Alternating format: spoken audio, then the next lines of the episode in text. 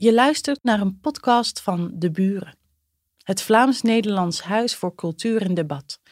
De Buren biedt je gratis originele registraties van debatten en lezingen aan en heeft een uniek literair audioaanbod.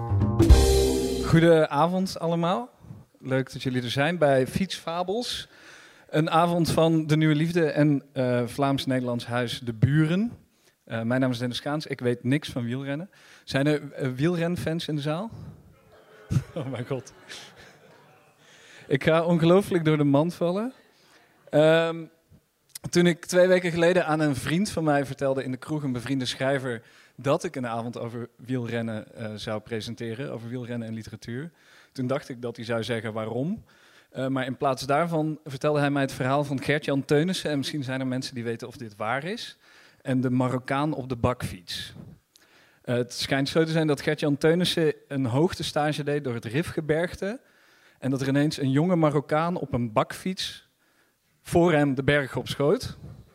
Um, en dat hij dacht van, oh, die afstand tussen mij en de Marokkaan op de bakfiets wordt niet echt kleiner. En uh, dat hij dacht, die man moet prof worden en dat hij hem heeft geprobeerd in te halen. Maar dat die Marokkaan op de bakfiets is nooit prof geworden. Want Gert-Jan Teunissen, nogthans uh, winnaar van de bolletjestrui ooit, uh, heeft hem nooit ingehaald. Hm? Iemand riep hier iets over. Oké.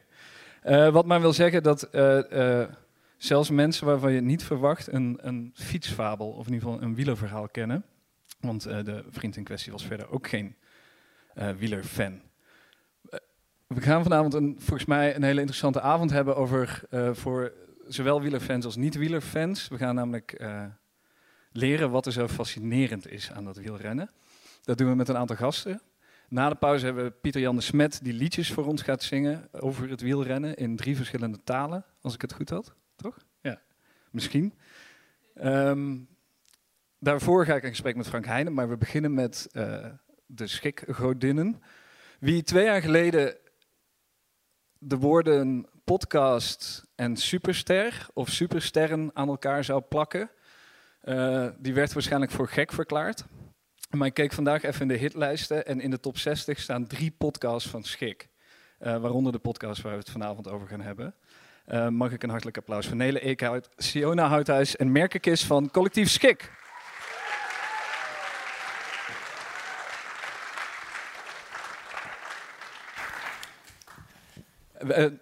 Wie heeft er allemaal al El Terrango geluisterd? Oh, dat zijn echt oh. net zoveel als de wielerfans. uh, voor de mensen die dat nog niet hebben gedaan, gaan we even naar een trailer kijken.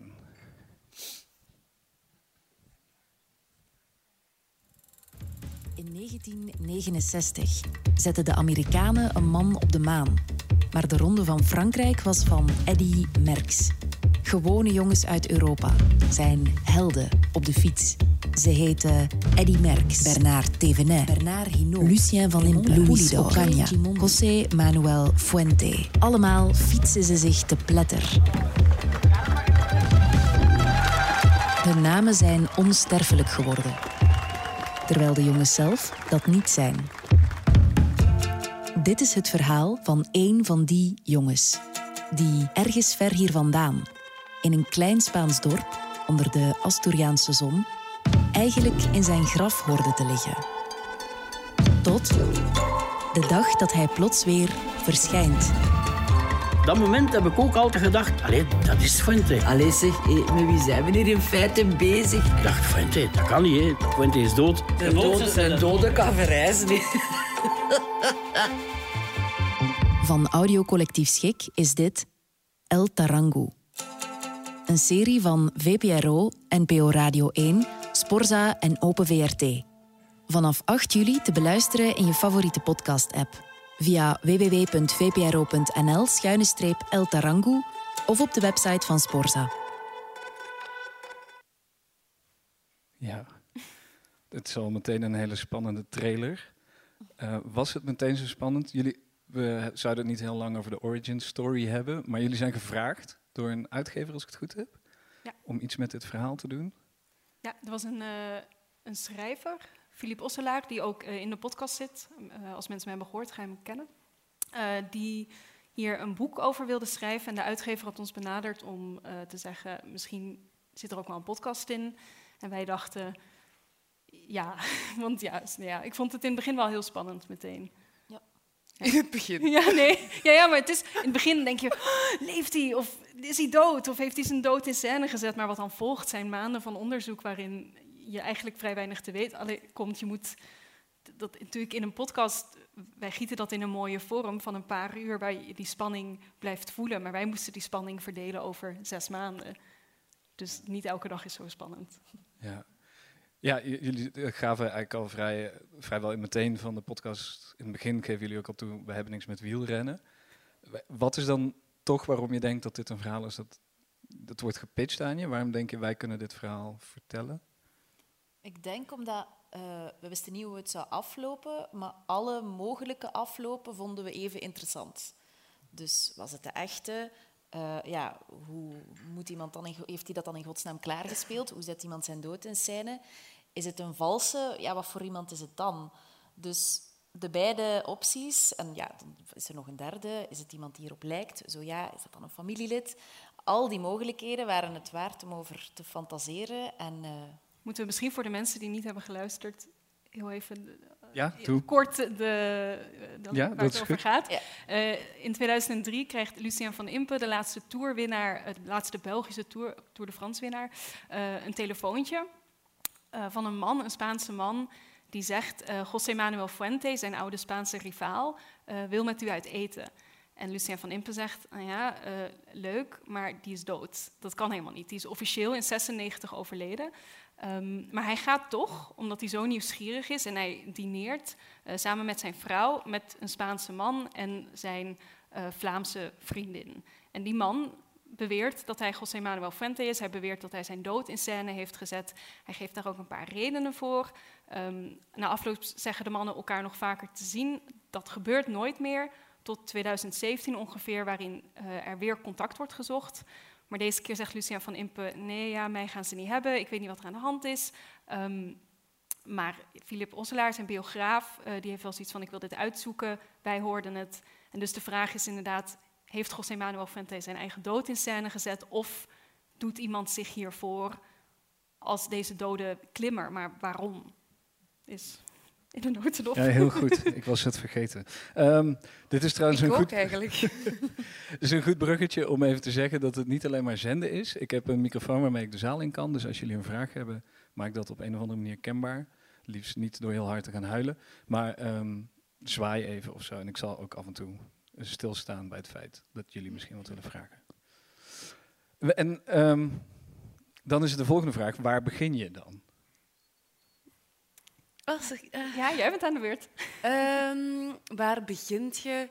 Ja, je begint eerst de, de hoofdpersonages te interviewen. En wij noemen dat hoofdpersonages, dat zijn echte mensen. Maar wij spreken in een soort film- of boektaal. Eh, dat zijn dan Lucien en Rita natuurlijk. Hè, die gaat je spreken. Die wilt je dat verhaal uit hun eigen mond horen. Eh, en, want dat is ook de lont die wordt aangestoken extra. Meer dan zo'n Philip Osselaar die dat vertelt, zijn dat die mensen die zo ja, daar met open mond in hun huis, aan hun tafel, dat navertellen. En, en, wij moeten dan die nieuwsgier, eigenlijk moet dat onze nieuwsgierigheid nog extra voeden. En dan is het gewoon, ja, de mensen contacteren van wie dat je denkt, die gaat ons iets meer kunnen vertellen. En vooral voor ons was dat eerst ons inwerken in die wielerwereld, want effectief, we kennen niks van wielrennen.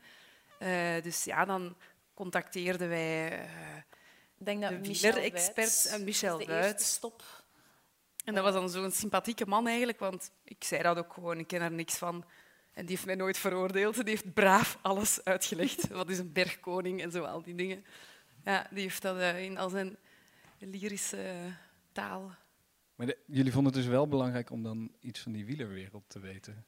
Ja, want wij hadden daar dus alle drie denk ik echt niks mee. Maar we hadden wel veel mensen en voornamelijk mannen toch in ons leven, denk ik, die dat dan wel hadden. Ja. Ehm, en ik, heb, ik snapte het ook gewoon niet. Ik heb echt aan mijn vriend moeten vragen. Ik zeg, hoe, de Tour de France, hoe, ik snap, hoe werkt het? En die heeft mij dat dan in stappen uitgelegd, omdat... ja, je wil niet bij mensen, je wil niet door de mand vallen geheel.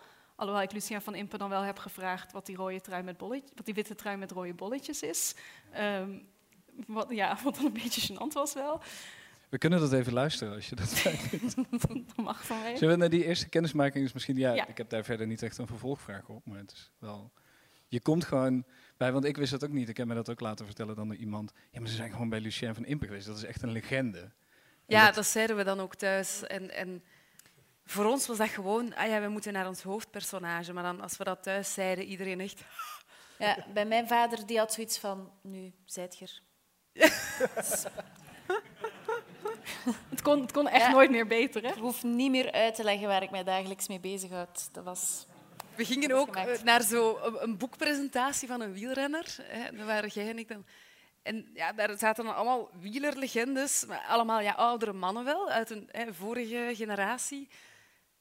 Die mannen zeggen ons niks, maar natuurlijk, ja, voor, een, voor een fan was dat een boot, dat was op een boot, een boot vol helden eh, samen. En dat is, voor ons was het, dat is eigenlijk ook een reden waarom is die wielerwereld wel interessant. Dat heeft zo die, dat poëtisch jargon, die, die, die woorden, die taal die gebruikt wordt om die sport te beschrijven, is waanzinnig. En da- daarin hebben we wel echt een match. Ik denk dat wij ook wel proberen een, een bepaalde poëzie te gebruiken in onze podcasts. Ja. Ja, misschien moeten we dan even naar een ander fragment. eh, want dat viel mij ook op dat jullie gebruiken inderdaad best wel een, een vrij klassiek eh, protagonist-antagonist om een soort van de twee hoofdrolspelers eh, te introduceren. Misschien kunnen we dat even luisteren. Een echte klimmer. Net als Lucien. Lucien van Impe was 19 jaar lang, van 1969 tot 87, een onverschrokken berggeit. Als het de hoogte inging, kon bijna niemand hem bijhouden. Behalve in 1970, wanneer een gespierde Spanjaard op het bergtoneel verschijnt. Net zo klein en compact als Lucien zelf. José Manuel Fuente. was zo'n concurrent, een enige op de wereld die mij kon pijn doen. Niemand op de wereld kon mij ergens iets aandoen, want ik was altijd beter. Maar Fuente was sommige momenten beter dan ik en dat was een enige. Ik heb nooit van iemand bang geweest buiten van Fuente. Eh, noem maar op, uh, Gimondi, Pulidor en, en Merckx en Ocaña leeft niet meer, maar die mensen allemaal die kenden Fuente heel goed, hè, want eh, ze waren allemaal bang van Fuente. En het is die Fuente die in 2003 in België is en uitgerekend Lucien uitnodigt voor een etentje. Lucien neemt de telefoon op. Opgenomen zal zij, want ik neem nooit telefoons op. Je kunt mij nooit bereiken, ik doe dat zelden of nooit. Juist. Niet hij nam de telefoon op, maar zij. Ja. Rita. Ja. Rita neemt op en noteert de afspraak. Gewoon dat dat mogelijk zou geweest hebben om te gaan eten Ja. in Gerardsbergen met Fuente. Hoe dat we dat zagen zitten. Wat was uw eerste? Ah ja, wij zeiden gewoon tegen elkaar van... Maar die is toch duur? Ik dacht, Fuente, dat kan niet, hè. Fuente is dood. Het is een soort.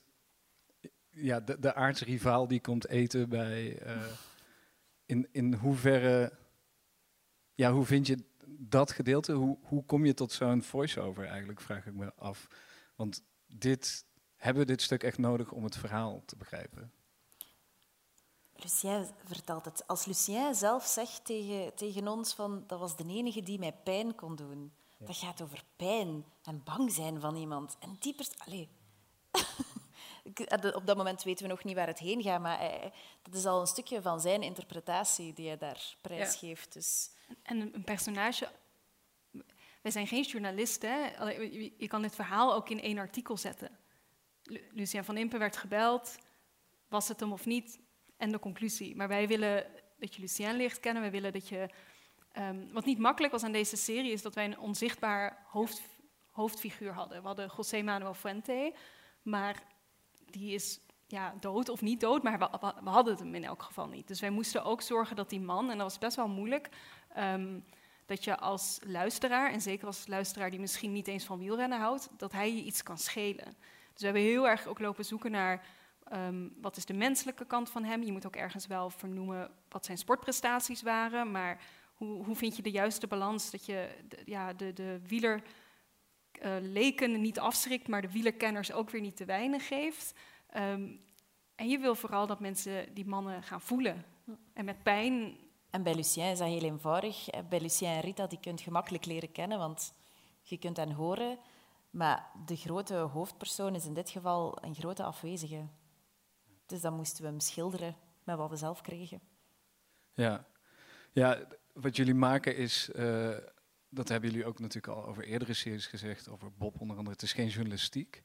Um, maar zijn, zijn jullie dan in dit opzicht, wie vertelt dit verhaal uiteindelijk? Is, hoeveel is dit verhaal van jullie? Het is wel echt van ons. Ja. Um, want Philip Osselaar uh, heeft daar ook een boek over geschreven, maar dat is een totaal ander verhaal. Eh, het gaat over dezelfde mensen en het is dezelfde kwestie, maar de manier waarop hij het benadert is, is anders. Wij, ja, voor ons, toen we daaraan begonnen, hebben wij een paar thema's daaruit gehaald die ons echt aanspraken en die wij, die wij zelf boeiend vonden. En uh, die zijn wij gaan uitdiepen. En in die zin is het wel onderzoek, hè, uh, verhalend onderzoek dan, geen journalistiek onderzoek. Maar wij doen wel diep, diepe research en, en verregaand onderzoek. Want wat je hoort is maar een fractie van de mensen die we hebben gesproken. Uh, maar ja, wij kiezen dan ook die mensen die spreken. Journalisten zouden andere mensen hebben gekozen, maar wij kiezen dan ja, in, in het kader van het verhaal wie schildert het best, wie, welk personage is het interessantst. Ja. En, ja. en ja, ik wil ook nog zeggen dat het, het is natuurlijk een, een mysterie. Hè? Was, was, was hij het echt of niet? Maar dat is een beetje de kapstok waaraan wij uh, waar wij verhalen of thema's of vragen aan hangen die wij belangrijk vinden. Want los van de uitkomst um, zijn er wel interessante dingen om het over te hebben. Het gaat over liegen, het gaat over vertrouwen, het gaat over je, je misschien voordoen als iemand anders of niet. Het ging ook over de vraag, kan je je eigen dood überhaupt in scène zetten? De tweede aflevering gaat daarover. Nee, dat zijn allemaal super interessante thema's en wij gebruiken dat verhaal eigenlijk gewoon als een kapstok om je, om je, langs al, ja, om je daar overal langs te leiden. En daarin is het wel echt uh, van ons. En want in principe, als het alleen maar ging over de vraag: was het nu echt of niet, dan had het ook misschien wel in twee afleveringen gekund. Maar het zijn alle vragen die wij daarbij bedenken en alle ja, schilderijtjes die we maken, zorgt voor zes afleveringen. Ja. En, en waarom is die Who Done It eh, zo'n geschikte... Want het is inderdaad een kapstok voor thema's. Ja. El Tarango gaat niet over wielrennen. Gaat, gaat eigenlijk ook niet helemaal over of die man nou dood is of niet. Dat is het soort van de ja, wat voor de spanning zorgt, maar het is niet waar het over gaat.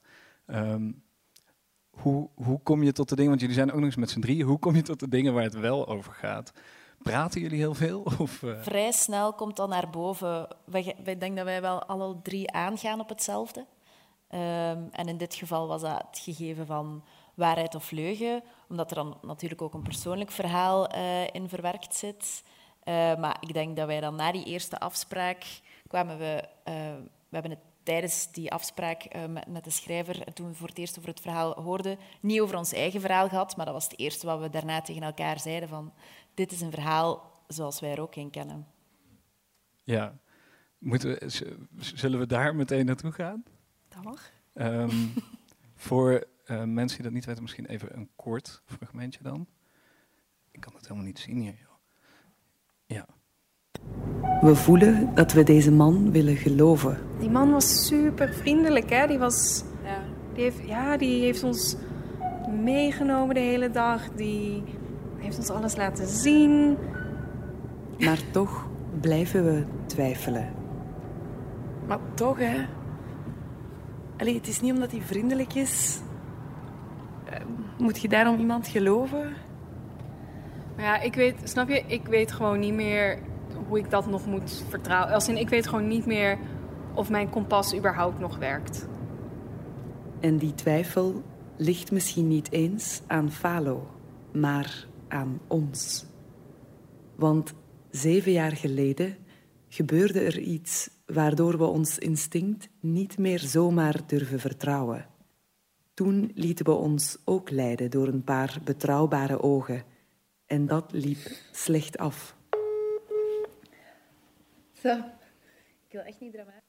Ja, dit gaat over Falo, ehm, de broer van uh, José Manuel, die jullie in eerste instantie verdenken zich voor uh, El, Terrangu uitgegeven te hebben. Ja, dat is een van de hypotheses. Een van de hypotheses. Ehm, en daar komen we zo misschien nog op. Uh, maar dan komt dit persoonlijke verhaal. En het, ik vond het heel moeilijk om hier een fragment uh, bij te kiezen. Ook omdat ik niet weet hoeveel jullie hiervan prijs willen geven. Maar op een gegeven moment komt er echt een heel persoonlijk verhaal van jullie in. Ja. Dat ja, over twee afleveringen verdeeld toch ook een, een deel beslaat. Hoeveel willen jullie daarvan vertellen? Dat mag helemaal. Ja, voor mij ook. Wil iemand van jullie het vertellen?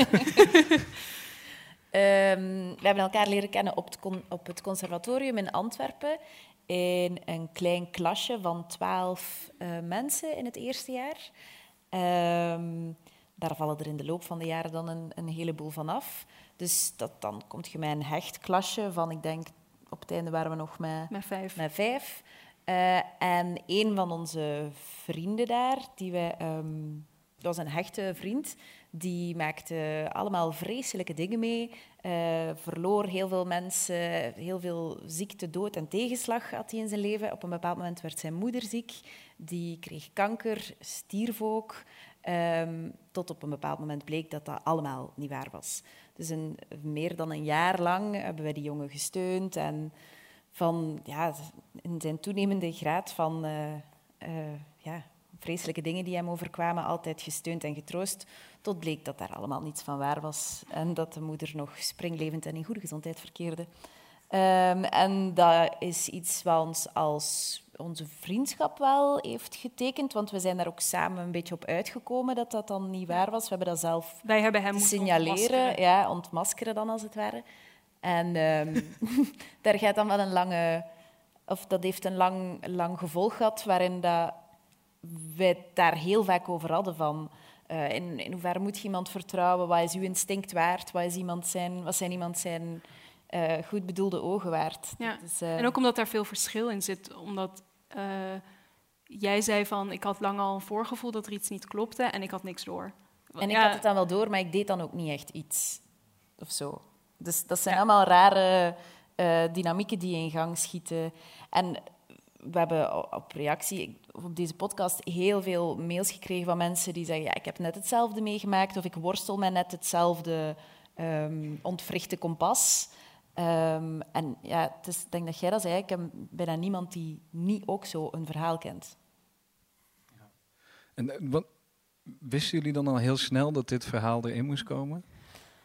Dat heeft eigenlijk even geduurd. We wisten het wel, maar we gingen onze het niet doen. redacteur ja. een beetje geduwd om het te doen. Allee, hè, wij, we zeiden wel um, dat we dat verhaal kenden en dat dat dan een goede reden was om, om dit verhaal te vertellen.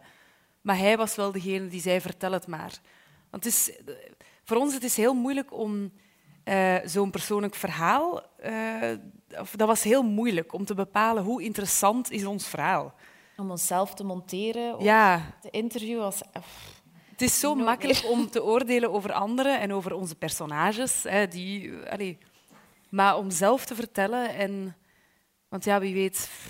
Het is zoals Nele zegt, heel veel mensen maken dit mee. En in hoeverre... Ja. En het was ook super eng, hè? want wij moesten onze klasgenoot dan weer ja. contacteren. We hadden die al zes jaar niet gehoord of gezien. Uh, ja, want we gingen dat niet doen zonder dat hij het op zijn minst wist. Of, en we gaven hem de optie om eraan mee te werken. Uh, ja, dat was, dat was super raar. En hoe verrassend was het dan dat hij mee wilde werken? Vond ik wel verrassend. Ja, dat was raar. Nele moest bellen en ik zat bij haar.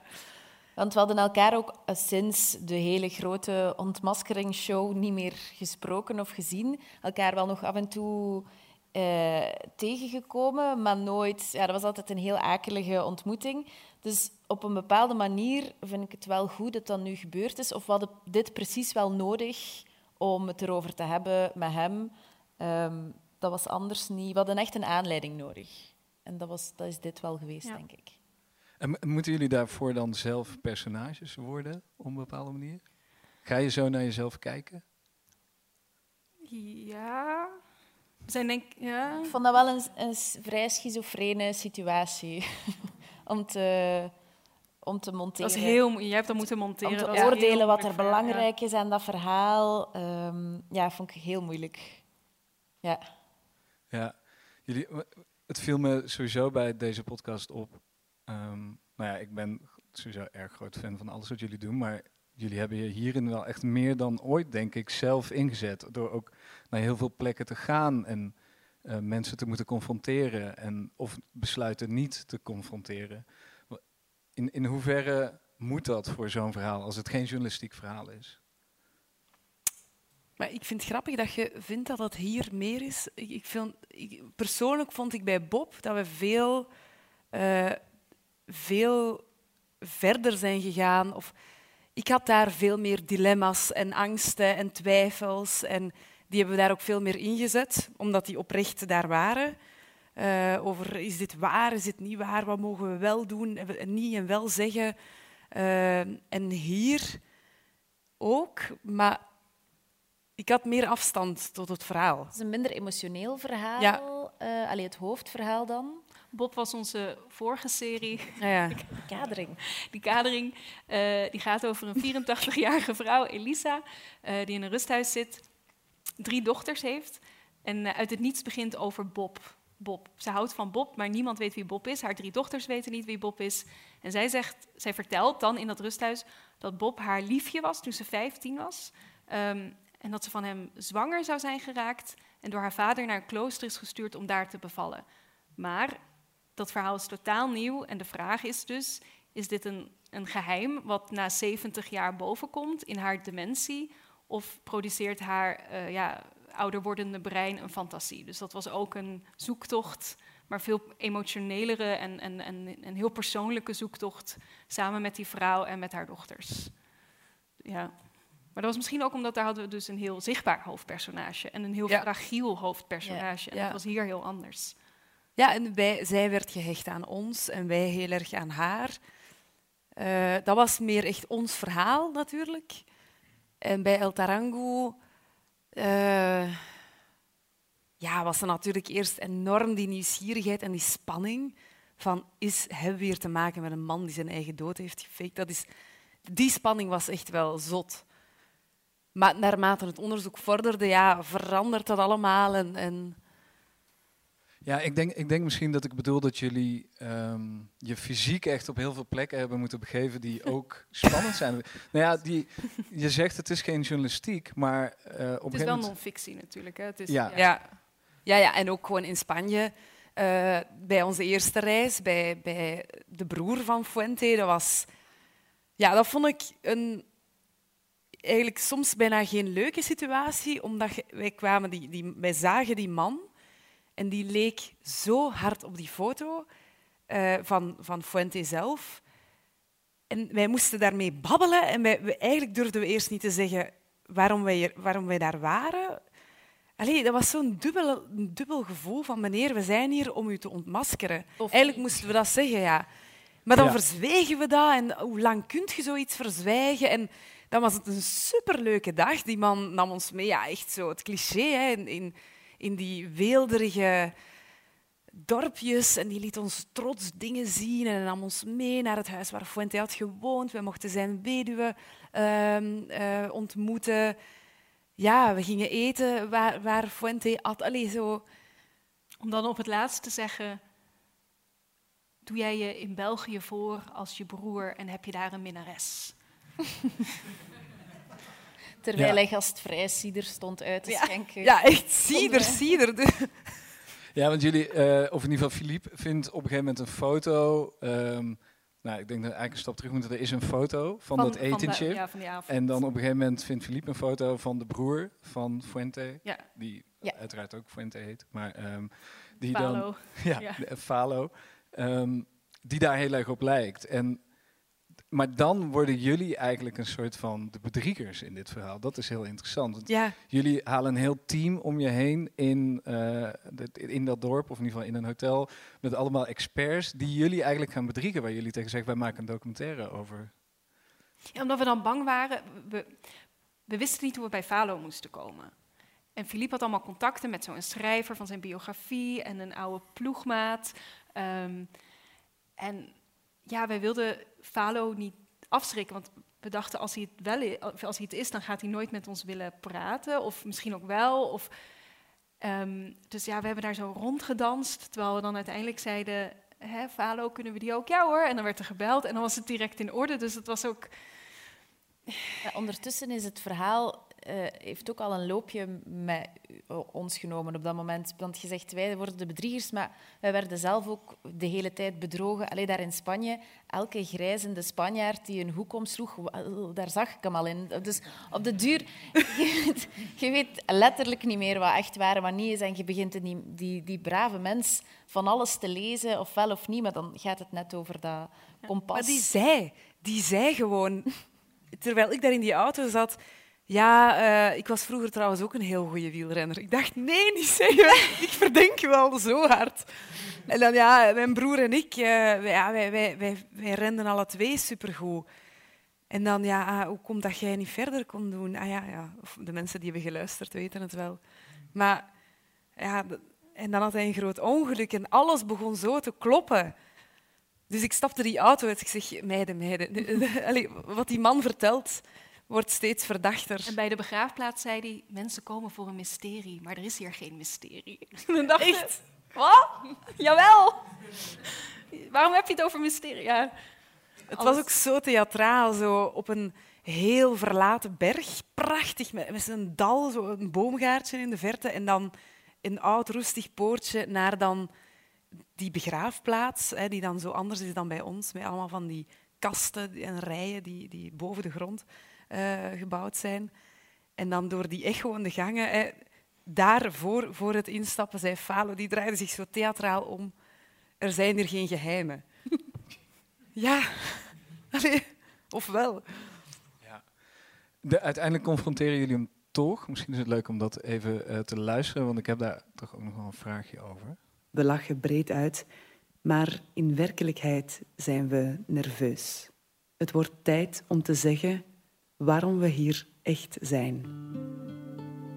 En dan troont Falo ons mee naar de Siederkelder, waar nog meer foto's hangen. En we weten het. Het is nu of nooit.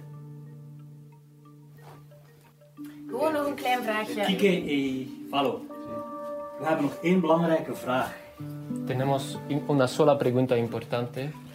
Um, je weet dat ik uh, over Lucien boeken geschreven heb. Lucien. Op een bepaald moment zegt uh, Lucien: Nu moet ik u toch nog een ander verhaal vertellen en je moet dat gaan opzoeken voor mij, zegt hij. Falo en José Enrique kijken aandachtig naar Philippe. Ze staan in de uiterste hoek van de donkere kelder gedrukt, letterlijk met hun ruggen tegen de muur. En ik hou mijn opnameapparaat aan Falo's mond maar ik richt mijn blik op zijn tenen. Maar, zegt uh, Lucien, in 2003 krijg ik een telefoontje en die persoon zegt: Ik wil eens met u gaan eten, want ik ben José Manuel Fuente. Philip legt zijn zin neer en Falo begint te lachen. Ojalá fuera verdad. Was dat maar waar? Lacht hij. Ojalá fuera verdad, ¿no? Was dat maar waar? Lucien, que está loco. Lucien is loco. Lucien moet wel gek zijn om dat te geloven, lacht José Enrique. milagro. Igual hay un milagro, no? Dat zou een mirakel zijn, roept Falo uit. Mirke vraagt of ze dit verhaal voor de eerste keer horen. Sí, sí, sí. Pues la primera noticia que tenemos. Sí, sí. Het is een totaal nieuw verhaal. Ze hebben nog nooit iets over gehoord. Ja, vervolgens, ja, dit, dit kan nog even door. Jullie tonen hem die foto. En ook al zijn vrienden zeggen dat die lijkt heel erg op jou. Wanneer weet je of die, wanneer geloof je die man? Maar niet. Je weet het niet. Maar, of, om dat terug te horen, die kelder, dat was verschrikkelijk. ook vooral ik moest opnemen en zij twee zetten echt ja. onbewust stappen achter. Er waren superveel mensen. Er stonden daar met superveel in die lage kelder, allee, onder de grond, buiten snikkeet, met zo al half van de cider.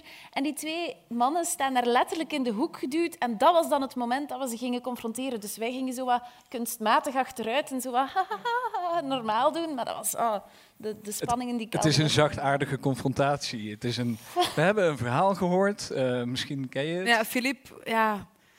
ja. De, de vraag was wie gaat dan de regie in handen nemen. Hè? Je staat daar met vier en de tolk, hè, die dan ook nog eens zijn mening had. Eh, Dus met vijf mensen. En we verstonden het ook niet. Nee. Dus je weet niet, letterlijk niet wat er gebeurt. Nee. Ja. En alle druk ook op die tolk, want die moest dan live vertalen. Ehm, maar ja, Falo zegt dan, allee, hij ontkent, terwijl dan de andere die ligt plat van het lachen. Maar echt, die, die gierde van het lachen toen hij die foto zag. Hij zegt, maar jij, Falo, wat doe jij daar? Ja. Dus ja, en Falo ontkent. Maar ja, wat is dat, een nee? Ja, Hij ontkende en hij ging er ook niet heel hard op in op een gegeven moment. Dus dan, ja, wat, wat moet je dan blijven zeggen? Nee, we denken het toch. Snap je? Op een gegeven moment... ja stopt het ja-nee-spelletje. En- Ja, en- maakten het eh, hem ook wel gemakkelijk, hè? want je wilt dan mee beginnen lachen. Je wilt niet dat iemand staat te liegen, dus je faciliteert die eigenlijk Ja. naar de volgende sociaal wenselijke situatie van kom, ga naar buiten, haha, het was niet waar of zo. Terwijl eigenlijk moet je dan ja, keihard zijn. Ja, maar daarmee zou je dus ook jezelf in deze situatie heel erg ontmaskeren. En dan zou je misschien zo'n harde onderzoeksjournalist worden. Ja. Want in hoeverre denk je, ook terwijl je in die kelder staat, dit is echt een supergoeie scène voor straks. Oh, ik dacht, het is een ramp, we zijn hier met zoveel. Ja, op dat moment was het rampzalig. Ja, gewoon. Hoe moet je ten eerste zeggen? Hoe moet je dat formuleren na zo'n vriendelijke dag? En ja, dat was een raar moment. maar te vriendelijk. Ja. Maar snap je, want op dat moment wil je eigenlijk ook ergens die harde onderzoeksjournalist zijn. En, en dat is het ook. We waren met zoveel, dat was ook wel al de hele dag. Dat, dat, ik weet dan soms als, als iemand dan ook meer vragen stelde, maar dan zei Philippe, nee, nee, niet daarover. Snap je, er was dan ook zo'n raar eh, allee, conflict soms. Maar het Ehm, gaat over een overleden familielid nog steeds. Er is ook een reden waarom dat we die Ah, vriend van ons een jaar lang, terwijl alles eigenlijk ehm, niet meer klopt, er is niemand die de woorden die persoon die jij verloren zijt leeft nog, wilt uitspreken. Dat is gewoon te erg. Ja, ik kom eh, naar u toe. Dan kan iedereen het horen. Als mensen boven vragen hebben, weet ik niet hoe ik dat ga doen. Dan wordt het denk ik... Je gillen. Ja. Allereerst, eh, jullie komen zo over ook als echte verhalenvertellers. Dat is echt. En bijna als een drieling, want jullie vullen elkaar aan en eh, zijn een eenheid. Dat is waar. Maar eh, ik vroeg me eigenlijk af, zijn er dan momenten van het maken of bij het, in deze scène zijn jullie net bezo- dat jullie oneenigheid krijgen en dat jullie om voorrang eh, tuimelen? Of waar hebben jullie momenten gehad bij het maken dat je echt een ruzie had die de moeite waard was om met elkaar te bespreken en niet toe te geven? En met ons te delen nu. Sorry, ja, dankjewel. Maar echt ruzie, ik, maar ik denk wel, ja, dat was misschien wel een voorbeeld van dat, dat we daar met zoveel mensen stonden en dat we dan een andere inschatting maken van hoe ver je kan gaan Ja. in die vraag. Want ik weet op de begraafplaats dacht ik op een gegeven moment persoonlijk van, ik dacht nee jongens, we moeten hier dieper. En dan ben ik vragen beginnen stellen over de dood van zijn broer. En dan hebben jullie en Philippe mij op een gegeven moment gezegd, nu is het genoeg. En dat is ook raar, want wij spreken natuurlijk Nederlands en die man verstaat alleen. Dus je kan, op dat moment kon je natuurlijk ook nog dat gesprek hebben. Ehm, En ja, of dan in, in Benidorm ehm, voelden, voelden we dat de tolk eh, niet meer zo ver wou gaan als dat wij wouden gaan. Wat natuurlijk heel vervelend was, want ja, wij spreken geen Spaans. Maar bon, ja, dan zijn we dan maar zelf soort van Spaans beginnen spreken. Maar dat zijn dan in de Spaans. Wel, ja, je hebt niet, er is geen overleg mogelijk hè, op dat moment. Dat is gewoon handelen, maar ruzie ruzie niet. Wij, we Eh, discussiëren veel. kan er wel hard aan toe gaan. Want wij, wij doen, ehm, we doen alles samen, maar we monteren alleen. Dus bijvoorbeeld, ik monteer dan de tweede aflevering, jij de eerste en de vierde, en jij de andere nog. En ehm, dan doen we van die redactierondes, waarbij dan we luisteren naar tussentijdse versies. En dat zijn wel uren waarin ja, ik bijvoorbeeld zeg, ik vind dat die voice-over weg moet. Nee, ik vind van niet. Ja, wat vind jij? Ik vind, en het is niet per se democratisch. Dus het is niet per se dat omdat Siona en ik dat vinden, dat dan Nele dat moet doen. Dat is wel nee. praten, discussiëren. En soms is dat verhit en soms niet. Uh, totdat, we, ja, totdat we eruit komen. En dan in de volgende ronde is het, zijn er weer problemen. het is lang, het is, we zeggen altijd, het is heel lang heel slecht. Ja. Het is pas op het eind dat dingen zo al beginnen in Behalve te schuiven. Randy zegt van niet. Onze producer, ja. Uh, Ik heb hier nog een vraag. Ja, als jullie... ja want um, jullie zeiden eerder dat je niet van wielrennen houdt. En nou ben ik eigenlijk wel heel erg benieuwd, als je dit hele verhaal hebt verteld, je bent er zo ingedoken, je staat op een boot, blijkbaar met allemaal legendes. En je hebt echt die hele sfeer van iedereen houdt van wielrennen en het is geweldig. Of je dan nu altijd zeg maar wielrennen kijkt op tv. Ik kan wel meekijken nu met mijn vriend. Ik vind dat niet meer, ik vind dat niet meer erg. Ik snap nu, ik, ik snap nu, ja, nee, want zijn, zijn dochter vindt dat dan verschrikkelijk. Terwijl ik, en ik kan herinneren mij als kind dat ik dat bij mijn vader ook niet leuk vond. Maar nu kan ik daar naar kijken en snap ik de code. Ik snap ook nu wat er in beeld staat, wat dat betekent. Al die tijds en cijfers en de kopgroep. En, um, dus nu, ik kan daar naar kijken nu. Ja. Ik heb wel leren begrijpen. We zijn al een paar keer in Gerardsbergen geweest. En gaandeweg ben, heb ik wel leren begrijpen op wat voor heilige grond dat je daar loopt. Ja. Dat is mij wel de, de religie, duidelijk geworden. De religie die het is, is prachtig. En ik kijk wel al uit, want ik kijk zeker niet naar de wedstrijden, maar ik kijk wel uit naar de zomer en de broeierigheid. Mm. Zeker in Vlaanderen. Uh, dat is wel echt gezellig. De mensen komen buiten, de mensen drinken een pint.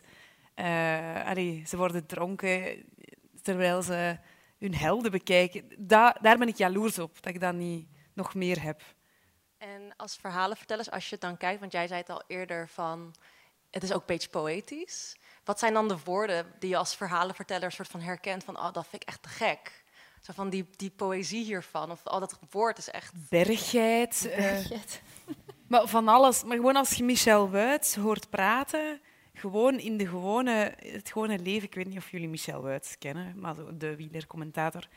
Die man spreekt in literaire zinnen over die sport. Ja, welke woorden allemaal? Die, de, een pocketrenner, dat ga ik ook nooit vergeten. Allee, zo... Lucien, echt de kleine... Ja, zo, de woorden, ze zijn wel... Um, ik voel ze wel nu. Als, uh, het, is, het, is, gewoon een heel epische, Episch. epische taal. Ah, ja, wel van um, kan genieten op, kou, op uh, amai, kousenvoeten demareren. Demareren op kousenvoeten, snedig demareren. Uh, wat Iedereen heeft ook een bijnaam, dat is ook altijd superleuk. Ja. Uh, de, je hebt hele, de flow had je vroeger. Snap je het heel grappige, allemaal dierennamen, de arend, de, was Bahamontes. Um, ja, het is echt een heel beeldende taal. De kleine van Meren was dan natuurlijk... We hebben ons daar dus wel echt in moeten laten assisteren, want we konden niet zo... Dat was eerst echt mijn paniek van die voiceovers. We kunnen hier niet zelf van, van poëzie beginnen doen. Dat bestaat al. Er is al een heel poëtisch jargon. We moeten dat echt afjes leren. Daar zijn thesissen over geschreven. Dat is echt uh, niet om mee te lachen. Ja, en gaandeweg uh, jullie podcast kom je er ook wel achter dat die, dat die wielerwereld sowieso een beetje aan de shady kant is. En dat er shady. waarschijnlijk nog veel meer uh, verhalen te vertellen zijn. Zouden jullie nog een keer een uh, wielerverhaal willen vertellen? Ja, we worden dus nu wel veel gemaild. Dat is wel grappig met mensen die dan zeggen... ja, ik heb ik, ik, ik wielren of ik heb mijn verhalen opgeschreven, maar... Um, er moet er moet een goed genoeg verhaal in zitten of de thema's moeten sterk genoeg zijn, dan mag dat zeker weer een wielerverhaal zijn. Maar wij zijn geen, wij zijn niet per se sportvertellers of zo. Die sport mag er absoluut niet in per zitten. se, gewoon niet. Nee, gewoon niet. maar wel graag die, die wereld vol geheimen. Hm. Ja, en die helden, dat is echt wel boeiend. Want in hoeverre, uh, en dat is mijn laatste vraag, er komt na de pauze nog een uh, panelgesprek waar iedereen bij zit. En dan ga ik vooral in het publiek rondlopen met uh, microfoons. Dus hou jullie vragen vast. we hebben daar straks alle tijd voor. maar jullie hebben uiteindelijk met dit verhaal ook een heel persoonlijk verhaal verteld. Um, er is iemand die jullie ook verdenken, die jullie uiteindelijk toch niet heel hard confronteren. En ik vroeg me af, in hoeverre was het, misschien is dit te gepsychologiseerd, maar in hoeverre is zo'n verhaal maken ook voor jullie dan een soort catharsis dat je leert van oké, mensen liegen en soms kun je dat ook laten gebeuren. En ook misschien zalvend voor jullie. Ik, ik heb wel geleerd um, bij het verhaal van Steven sowieso. Ik, ik, ik ben heel blij dat we dat hebben uitgesproken met hem. Uh, maar ook interessant vond ik dat rond hem heen zijn familie en zijn vriendin um, dat ook allemaal wisten. Uh, en uh, dat, hij, dat hij zo hard, gelogen, hard had gelogen. Um, en dat die daar niet super diep zijn op ingegaan met hem. En dat die ja, hem echt nog altijd nemen als de persoon die hij is. En de vrolijke persoon, ook iemand... Hij, zijn broertjes en zusjes bijvoorbeeld zien hem als een, als een grote, belangrijke broer. En dat is zo nog altijd gebleven. En ik vond dat... Ik dacht echt, mocht ik dat in mijn leven voor hebben, ik zou dat blijven doorpsychologiseren en willen het, het eind, het putteken van weten. Maar soms is dat niet nodig. Dat vond ik wel echt heel, heel leerrijk. We hebben daar zeker veel over moeten discussiëren, zeker ook met wat we dan vonden als, als, als sluitstuk van de persoon die we dan vonden als sluitstuk van ons verhaal. Um, we hebben daar heel lang over discussiëren wat daar dan de betekenis van was. Um, hoe erg of hoe niet erg mm -hmm. dat, dat, dat zo omgaan met de waarheid juist is. Um, en dat is niet, daar valt ook geen eenduidige conclusie uit te nemen. Uh, zeker geen echt moraliserende nee. boodschap. Ja. En dat is misschien juist wel fijn. Ja. ja.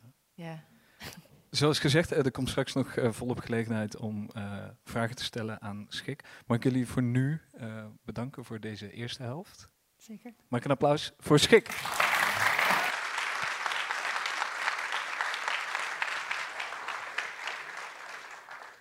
We hebben namelijk een, nog een tweede gast voor de pauze en dat is Frank Heijnen. Die studeerde letterkunde, maar al snel um, besloot hij dat, volgens mij denk ik, weet ik niet of het waar is, daar komen we zo op, uh, dat de beste verhalen in de sport te vinden zijn. Uh, dat deed hij niet onverdienstelijk. Hij won eigenlijk vrijwel meteen nadat hij daarmee begon de Hart Gasprijs voor het beste sportverhaal.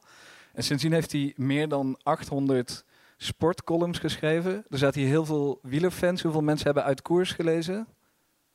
Hoeveel mensen hebben de stukken van Frank op Het Is-koers gelezen? Dat zijn toch wel wat fans hier.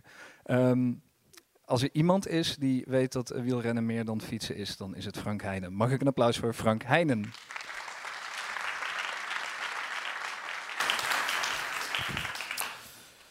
Zo. Ja, jij hebt, jij hebt er wel je werk van gemaakt om um, ja, wielerverhalen te vertellen. Ja. Ook op een bepaalde manier. Ja. En ik, toen, toen we het erover hadden waar dat begon, toen zei je dat is eigenlijk op een heel verhaaltechnisch oninteressant moment. Uh, en ik dacht, misschien kunnen we daar even naar gaan kijken. Uh, als dit is, uh, staan de fragmenten op volgorde klaar. En anders... Anders praat ik over een ander fragment, joh. Ja. kilometers an hour. Round that corner, he's opened up a little bit more. He's going to start to feel good. It may be the day for Rabobank. I tell you, Paul, I think he's read it right this time. They're not going to take too many risks, surely, in conditions like this. And this has been a great ride by the Dutchman, and they may well get it, or will they? There's a chase down coming from the Onse team. We're going into the countdown of a few hundred meters to go. But you know, it is an excellent finish here. We've got Zabel still trying to get in on the scene here. We've got Andre Schmil looking over his shoulder. And all of the riders, the yellow jersey, Stefan Ulo, uh, Erlo is not going to take part in the sprint. He's sitting there safely knowing another yellow jersey and a dry one at that will await him. This has been a great ride by Bogart, but he's not safe yet. He still has a few meters to go. I think he's got it now. Rabobank on these conditions have gotten the day. It is a day for the Dutch in the rain. Bogart, a great victory indeed, takes it right. Volgens mij kunnen we zien wat er hier gebeurt, maar wat gebeurt er hier? Nou, hier wint, uh, hier, hier, uh, uh, dit is 1996, Aix-les-Bains. een beetje, een beetje de, de Tour is opgebouwd eigenlijk, nu, nu veranderen ze dat langzaam, maar heel lang is de Tour de France, dit was in de, een van de eerste dagen van de Tour de France, was vroeger altijd de eerste week, eerste tien dagen, waren vlakke etappes. Daar gebeurde er niet zoveel. Uh, dat was meer uh, om, om de, de streken te laten zien. En er reden altijd twee Fransen voorop van kleine ploegen die dan hun sponsor konden promoten live op televisie. En aan het einde werden die ingehaald en er werd er gesprint. En dat ging zo een week door. En dat, nou, mensen, ja, dat was echt voor mensen die ja, een soort hypnose wilden raken, was dat heel geschikt om daar de hele middag naar te kijken. Maar, uh, maar heel saai eigenlijk, qua, qua entertainmentwaarde. En om dat gewoon live op televisie over de hele wereld uit te zenden, ging dat eigenlijk best wel ver. Maar dat hebben ze lang gedaan. Dit was zo'n dag die ook helemaal vlak was, waar sowieso een sprint van zou komen. En Bogert, ik was toen tien toen dit gebeurde in 1996. Uh, en ik was alleen thuis. Ik zag dit, want ik was toen een beetje wielrennen aan het, aan het uh, beginnen te ontdekken. Uh, en toen begreep ik, dit, dit, hier hoor je het, het Engelse commentaar of het Eurosport commentaar, denk ik. ik zag dit, denk ik, op de Belg, want de meeste Nederlanders kijken nog altijd wielrennen op de Belg.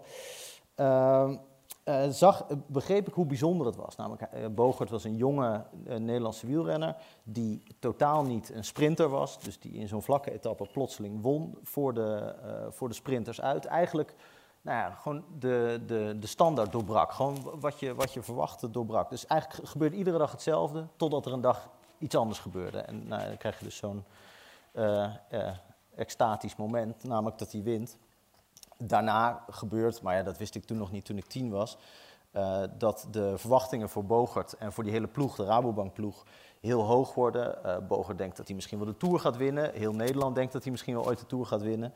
Uh, dat kan in die periode alleen maar als je zwaar gedopeerd bent. Nou ja, goed, de, de gevolgen hebben we daar de afgelopen jaren van gezien langzamerhand komen er allerlei duistere, shady zaken, zoals je net vertelde. En een hoop liegen komt erbij kijken. Dus hij, dit is voor hem eigenlijk een heel verdrietig moment, heeft hij wel eens later verteld. Het is eigenlijk het begin, zijn laatste moment dat hij een soort onbedorven jonge wielrenner. Hier is hij eigenlijk ingewijd in het, in het echte wielrennen. Dus eigenlijk is dit, begint dit als een soort ja, misschien een soort underdog verhaal, waar een, een mini-verhaaltje in zit. Ja, ja. Maar dit, wat je nu dat zegt... Dat herken ik nog niet als tienjarige hoor, allemaal. Nee. Maar toen was ik gewoon chauvinistisch blij, uh, uh, ja. En, maar met, met hindsight, dus wordt dit nog tragischer op een bepaalde manier? Nou, hij heeft daar best wel, best wel mooi over verteld. Sowieso heeft Bogert, die heeft heel lang in zijn eentje min of meer de Nederlandse, het Nederlandse wielrennen een beetje op de kaart moeten, moeten houden. Later kwamen daar wat andere renners bij. Uh, hij heeft die druk ook altijd heel erg zo ervaren als degene die het namens Nederland dan moest doen in alle belangrijke wedstrijden. En dat, hij deed het ook heel knap. Niet geheel zuiver, zoals we daarna wisten, maar goed, dat gold voor al zijn concurrenten ook. Um, en en hij, heeft, heeft, daar helemaal over verteld. Hij heeft bijvoorbeeld ook een prachtige etappe gewonnen, een bergetappe, een paar jaar later in La Plagne. Ook een schitterend moment. En ligt hij ook voorop. Armstrong komt erachteraan, die rijdt ongeveer drie keer zo hard. Maar hij heeft een hele grote voorsprong. Die voorsprong gaat met minuten achteruit en houdt het toch net over. En dan nou, als een soort half lijk komt hij dan over de streep. Nou, uh, iedereen helemaal euforisch. En hij heeft later verteld, heel vaak, op dat, hij meteen daarna wist, mooier dan dit wordt het nooit meer. Vanaf nu wordt het alleen maar minder in mijn leven. Nou, als je dat meteen je realiseert, dat vind ik echt heel tragisch. Als je op je hoogtepunt in je leven, nou, hij was 28 of zo, dat je dan weet, oké, okay, vanaf all downhill from here, letterlijk. Ja.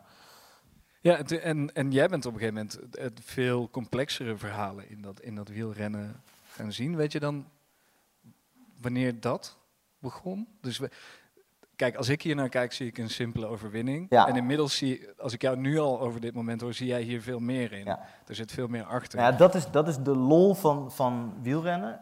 Uh, uh, waar jullie het net ook over hadden, van hoe kijk je naar zo'n wedstrijd. Als je, als, je dat helemaal, uh, als je dat helemaal onvoorbereid en zonder enige voorkennis doet, dan zie je gewoon allemaal mannen in, of vrouwen in, in andere shirtjes naar de finish rijden en eentje is de sterkste, die zal dan wel winnen. Nou, maar dat is dus dat is ontzettend saai. Da daarom vind ik, dat zullen heel veel mensen me niet in dank afnemen, maar allerlei sporten waarin de beste altijd wint, of de sterkste altijd wint, ook ontzettend saai. Maarten Ducro, die commentator is bij de NOS, zelf oud wielrenner, die zegt altijd, zodra er zo'n lijntje tussen zit, zoals bij het schaatsen of bij het zwemmen, dus dat ze niet bij elkaar kunnen komen, is er eigenlijk al niks aan. Want dan kunnen ze, niet, kunnen ze, elkaar niet, kunnen ze niks tegen elkaar doen. Bij wielrennen gebeurt op de openbare weg, ze zijn met elkaar. En het bizarre is, het is een ploegsport, maar ook een individuele sport tegelijkertijd. En die verwarring zie je bij renners ook voortdurend uh, aan de gang. Je hebt natuurlijk knechten en kopmannen. dus die functies zijn over het algemeen wel duidelijk. Maar als een knecht voorop ligt, heeft hij opeens kans om te winnen. Terwijl het eigenlijk niet zijn functie is. Moet hij dan als knecht wachten? Moet hij als kopman gaan functioneren? Al die,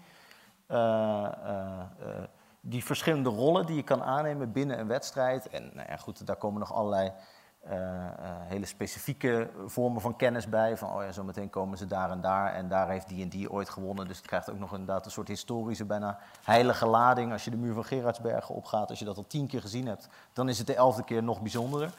Uh, dus, dus de aanhouder wint bij het wielrennen ook, bij het wielrennen kijken. Maar ja, je moet, je moet je gewoon echt verdiepen in wielrennen. Wielrennen is niet meteen leuk. Als je voetballen kijkt, dan zie je meteen, je ziet meteen dat Messi heel goed is. Uh, bij wielrennen zie je niet meteen wie de beste is. En je weet ook niet precies hoe, hoe de verhoudingen liggen. Bij voetbal is dat binnen drie minuten duidelijk.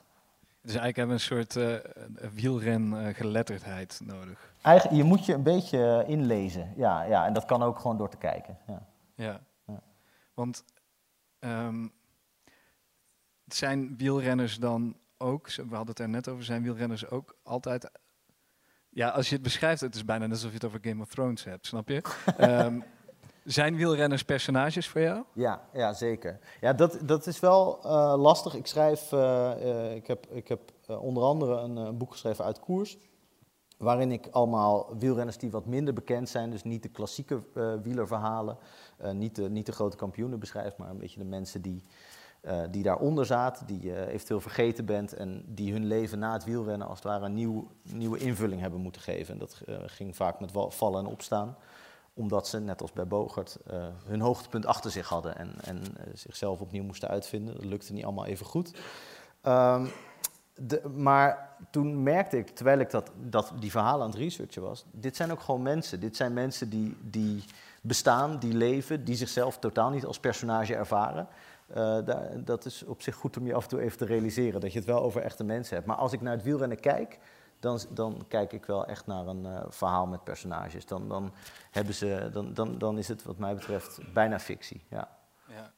En, want dan is misschien hoe jij kijkt, wij zien het simpele plot, de sterkste wind, maar dat Ja. is een- daaronder ligt dan allerlei subplotjes en geheime... Ja, nou, sterker nog, de, de sterkste wint zelden in het eh, wielrennen. Misschien de, de, de Tour de France inmiddels wel, de wint de sterkste wel. Maar zeker die wedstrijden die, die één dag duren, de klassiekers of, de, of eh, de wedstrijden die nu aankomen in België, het hele Vlaamse voorjaar.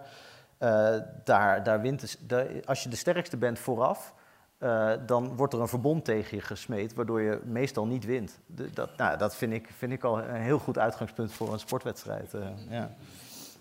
Eh, gisteren vertelde mijn vriendin notabene tegen mij dat Tim Krabbe erover had gezegd dat als je bij voetballen iemand valt, dan help je hem omhoog. En als bij het wielrennen iemand valt, dan geef je hem een trap na. Ja, ja, ja. Ik weet, dat, dat is wel een, een iets wat verouderde eh, eh, kijk op de zaak. Of in ieder geval, zo was het wielrennen vroeger. Ik weet niet of het nog helemaal zo is. Maar het is inderdaad wel zo eh, eh, dat, dat nou, bij het voetballen is natuurlijk, daar, daar vallen ze ook veel meer. Hè? Of in ieder geval, daar blijven ze lang liggen. Die moeten ook overeind geholpen worden vaak. Wielrenners rennen zelf al, naar een fiets, vaak nog eh, met een arm uit de kom en een, en een bloedende hoofdwond. En dan rijden ze alweer door. Dus dat, die, die, die hoef je vaak niet meer overeind te helpen, want die zijn alweer onderweg. Dus ja, nee, maar het is, het is een heel. Het, is, het heeft met. met eh, ja, wielerliefhebbers zeggen, ik ben ook een voetballiefhebber, maar wielerliefhebbers zeggen vaak: voetbal is een spel, wielrennen is een sport. Ja, en, en, en eh, ja, ik heb hier zoveel. Jij hebt ook wel aangegeven dat juist die oneerlijkheid van deze sport vind jij wat het. En dan bedoel ik niet deze oneerlijkheid van die, misschien van die verbondjes en zo. Mhm. Maar eigenlijk alle oneerlijk, oneerlijkheid in die sport vind jij heerlijk, toch? Ja, heerlijk. Ik vind op persoonlijk niveau vind ik, eh, vind ik sommige vormen van oneerlijkheid ook heel dramatisch. En als ik wielrenners daarover hoor vertellen of ik spreek ze zelf eh, eh, en ik, ik merk hoe bepaalde vormen van oneerlijkheid of pech of noodlot iemands leven kunnen sturen, eh, dan, dan, heb ik eh, daar- dan, dan voel ik daar absoluut mee mee. Maar voor mij als, als kijker op afstand, en zodra, zolang ik op afstand blijf, kan ik, ook, kan ik die mensen ook als een soort eh, eh, figuurtjes eh, op de televisie blijven zien.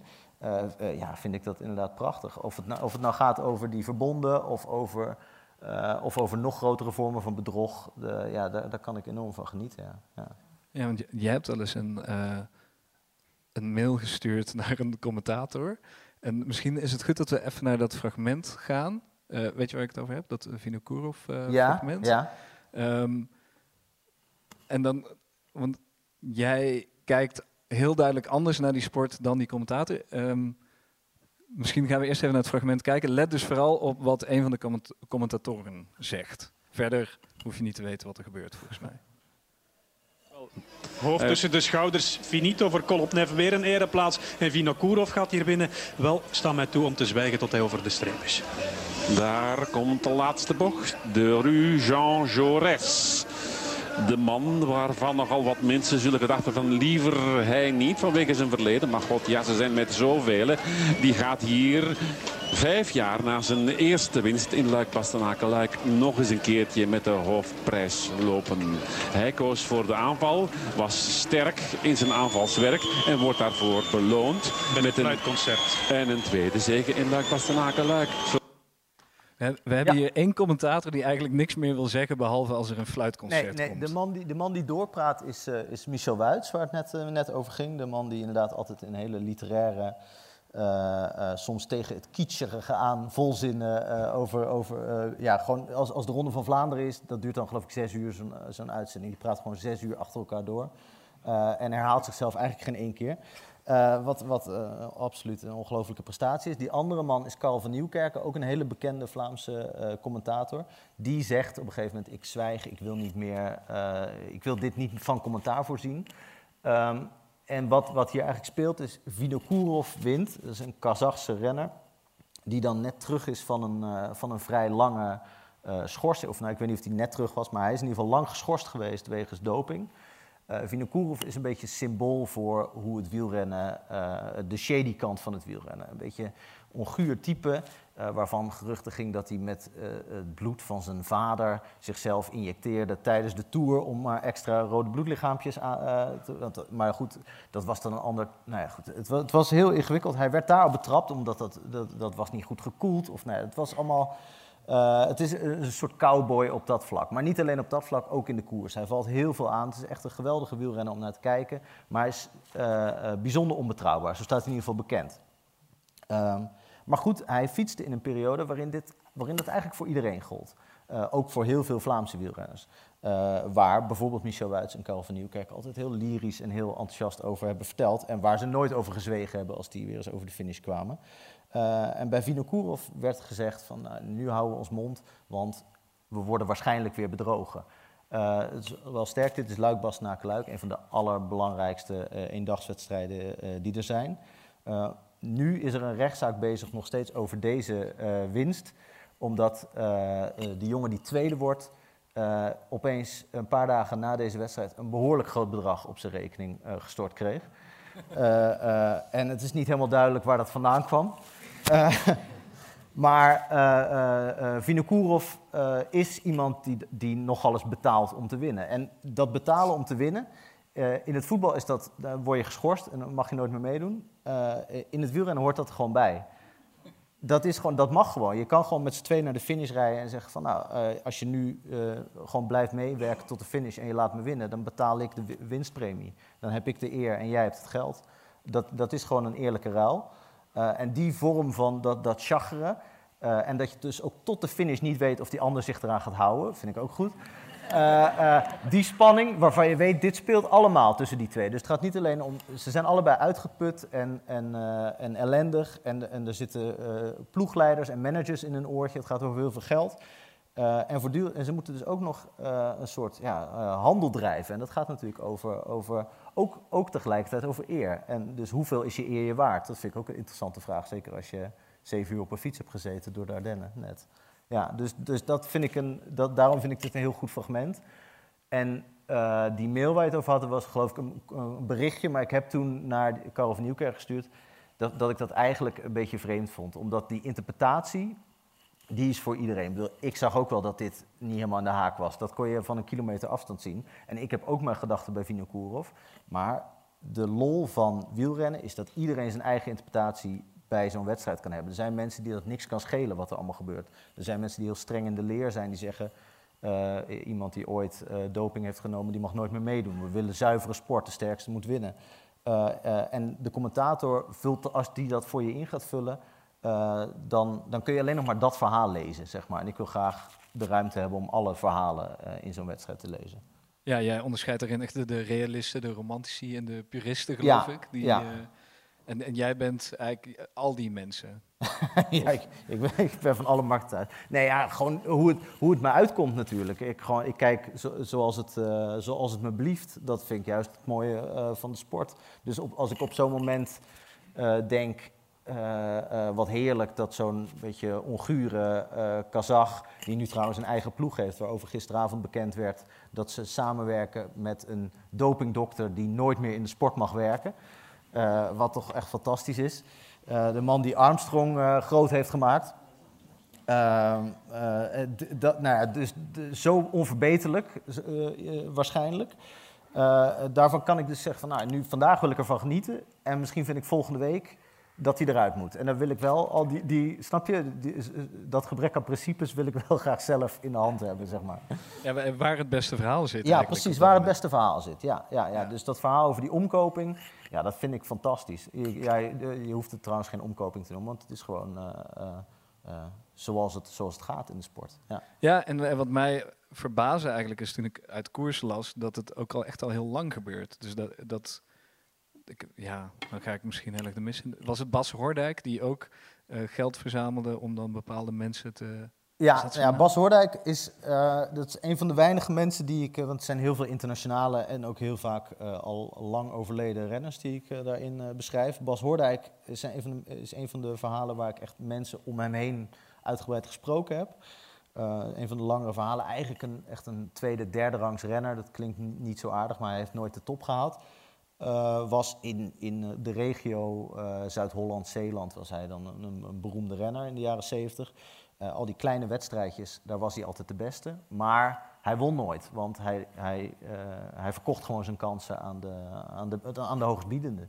Ja, dat, eh, dat is gewoon een manier om... Daar kon je veel meer mee verdienen dan met, eh, eh, dan met winnen, zeg maar. Ja. En hij had ook een boekje toch waarin hij alle afspraken zette met wie Ja, wanneer ja. moest winnen en wie dan hoeveel geld kreeg. Ja, er was ook bij die criteriums, er waren gewoon de, de ervaren renners. Ik geloof in dit geval was het Godefroot, ook een beroemde Vlaamse renner. Die kwam dan naar Nederland en die verdeelde gewoon de gelden. Dus vooraf werd gezegd van jij gaat winnen, maar dan moet je die en die zoveel betalen. Dat was een heel ingewikkeld financieel systeem.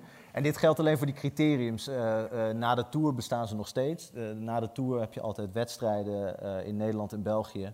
waar alle grote sterren van de Tour komen, komen defileren eigenlijk. Er wordt wel een wedstrijdje verreden, maar daar gaat het niet om. Het gaat meer om dat iedereen even kan kijken en een handtekening kan vragen. Dan moet eh, de winnaar, of de, de, de, degene voor wie het meest betaald is, in dit geval de toerwinnaar vaak, of de, de groene trui of de bolletjestrui, die moet dan dat criterium winnen. Dus er wordt vooraf besloten, jij moet wel winnen, eh, want anders, de- die mensen komen voor jou, weet je wel. Dus ook als die valt, dan moet iedereen wachten, want ja, ja, zo werkt het gewoon. Dus dat zijn eigenlijk geen wedstrijden. Eh, dit is wat anders. Dit, hier gaat het, hier gaat het om, om veel geld en dit gebeurt ook niet ieder jaar hoor, zo'n zo'n situatie.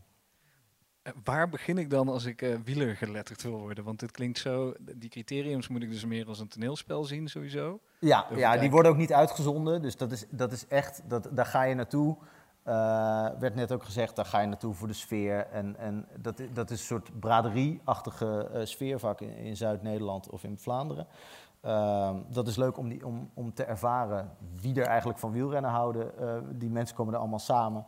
Eh, moet je als een soort eh EO-jongerendag voor wielerliefhebbers zien, zeg maar. Maar eh, eh, kijk, je moet eigenlijk gewoon naar een willekeurige wedstrijd eh, kijken. Dat maakt eigenlijk niet zo heel veel uit eh, eh, eh, welke, welke koers. Maar je kan gewoon aan het begin. Ja, nou, nu begint het wielerseizoen. Over een paar weken is de omloop het nieuwsblad. Dat is de klassieke opening van het Vlaamse wielerjaar. En dan begint eigenlijk het echte wielerjaar. Eh, dat wordt uitgezonden bij de Belg. Eh, Michel Wuits zal ongetwijfeld weer commentaar geven. Dan moet je gewoon luisteren naar Michel Wuits. Zet het op de achtergrond aan, er gebeurt niet zoveel. Je kan eens wat anders gaan doen. Ondertussen je kan alle huishoudelijke klusjes heel goed doen tijdens het wielrennen. Net als een podcast. eh, Ja, ja. ja, ja, nou ja, dan moet je beter je hoofd bijhouden. Want hier, hier gebeurt heel vaak niks. En, en als er iets gebeurt, dan gaat altijd de, de stem van gaat een octaaf de hoogte in. Dan weet je, je moet even kijken, dan valt er iemand of er valt iemand aan. En eh, in de tussentijd moet je gewoon luisteren naar wat er gezegd wordt. Want in principe, zeker op de Nederlandse televisie, maar op de Vlaamse televisie ook wel, wordt iedere keer weer opnieuw hetzelfde uitgelegd. Eh, van die rijdt voor die, die rijdt voor zus, eh, die valt nu aan. Eh, eh, die heeft ruzie met die, dus daarom rijdt die erachteraan. Snap je het nog? Ik eh, probeer het, Nee, het is, nee maar het is, je, moet echt, je moet dat echt gewoon door te kijken leren. Dus je kan wel bijvoorbeeld met van, boeken of artikelen in de krant of zo lezen, maar gewoon het zien. Ik, ik heb ooit met mijn vriendin, toen we nog niet zo lang verkering hadden, toen ik al wel veel over wielrennen schreef, of in ieder geval veel naar keek, zei ik van, zei, ja, wat is dat nou toch? Toen hebben we één middag lang Parijs-Roubaix gekeken samen. Eh, en- en toen, toen was eigenlijk de conclusie, toen- aan het eind van de dag zei ze, ja, ik vind het nog steeds niet heel leuk, maar ik snap tenminste wat er gebeurt. Inderdaad. Dat werd net ook gezegd en dat, dat is ook wel echt zo. Je kan, je kan dat bij wijze van spreken in één middag kan je al een eind komen. Dat is niet voor iedereen, maar ik, ik heb wel het idee dat als je, maar, als je maar volhoudt, dat er in iedereen een wielerliefhebber zit. Dat is echt mijn... eh, eh, en een koper van mijn boeken, daardoor. daarmee. Ja. Ja. Eh, ja, je hebt, eh, je hebt daar wel eens over gezegd. Iedereen die van fictie houdt, kan in potentie genieten van wielrennen. Ja, Dus ja, ja. dat, eh, Je zou kunnen zeggen, iedereen die niet van wielrennen houdt, is eigenlijk geen goede lezer. de, ongeveer de helft was geloof ik wielerfan. De andere Ja, helft ja. die moet zich nu eh, aangesproken, voelen. voelen. Ehm, we hebben tijd voor twee korte vragen uit het publiek. Zijn die er? We kunnen ze ook bewaren tot straks. Ik loop naar je toe.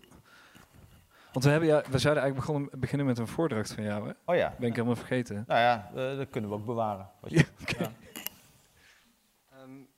Gaat er ooit bij wielrennen komen dat je de gesprekken gaat horen die ze hebben met hun eh, Daar- daar is- teamleiders? Want omdat je heb je bij Formule 1 natuurlijk wel nu. Je hoort eh, bij, bij eh, sommige Vlaamse wedstrijden zijn er al wel cameraatjes in de auto's van de ploegleiders. Dan kun je dus meekijken wat er gezegd wordt tegen de renners. En dan hoor je dus ook de renners door de boord, boordcomputer of de microfoon. Dat soort gesprekken waar je het net over had, zo'n onderhandeling. Dat kan je dan horen. Ja, dat, die worden er altijd uitge, uitgefilterd op de een of andere manier. Eh, dus het zijn vaak eh, eh, de gesprekken van kom op, zet hem op en hier naar links. En, maar nee, dat, dat komt natuurlijk wel. Alleen, kijk, wielrennen is echt, echt een spel waarbij, of, of een sport waarbij, waarbij, het belangrijkste, waarbij het belangrijkste niet ziet. Dus, dus de tactiek en de, het overleg en dat gedoe over geld. Eh, dat gebeurt iedere wedstrijd, maar de suggestie is, en dat is, dat, dat, daarom was dat dopinggedoe een paar jaar geleden met Armstrong en Bogert ook zo ingewikkeld. Eh, de afspraak is gewoon binnen de wielerwereld, we doen het allemaal, maar iedereen houdt zijn mond erover. En dat is met die afspraken binnen de koers eigenlijk ook zo. Dus iedereen die, die erbij hoort, die weet ervan, die weet er alles van en die doet daar ook niet moeilijk over. Iedereen die daar buiten zit, heeft daar niks mee te maken en moet gewoon kijken naar wat hem wordt voorgeschoteld eigenlijk. Dus die gesprekken over geld en over allerlei ingewikkelde dingen, eh, dat is helemaal niet, volgens mij niet een optie om dat te delen met journalisten en zeker niet met tv-kijkers. eh. is wel vaak naar de hand geanalyseerd en dan zitten ze te kijken, oh ja, zie je, daar hebben ze het. Ja, dat zijn allemaal en- interpretaties Ja. natuurlijk. Want dat, dat, eh, ik weet niet of dat fragment, of we dat hebben, of dat we dat nog gaan laten zien. Maar ik Dat kan hebben we. Even kort eh, eh, inleiden, of, of in ieder geval even vertellen. Eh, je hebt een, frag- een fragment bij het Nederlands kampioenschap een aantal jaar geleden, waarbij een jonge Nederlandse wielrenner Langeveld, inmiddels een eh, ervaren eh, coureur, ook met Bogert weer trouwens, toeval dat hij erin zit, voorop ligt. Dus ook weer twee man, dat is vaak het spannendst natuurlijk, want die, die hebben allebei belangen. En Langeveld rijdt bij een hele kleine ploeg en Bogert bij de grote Rabobank ploeg.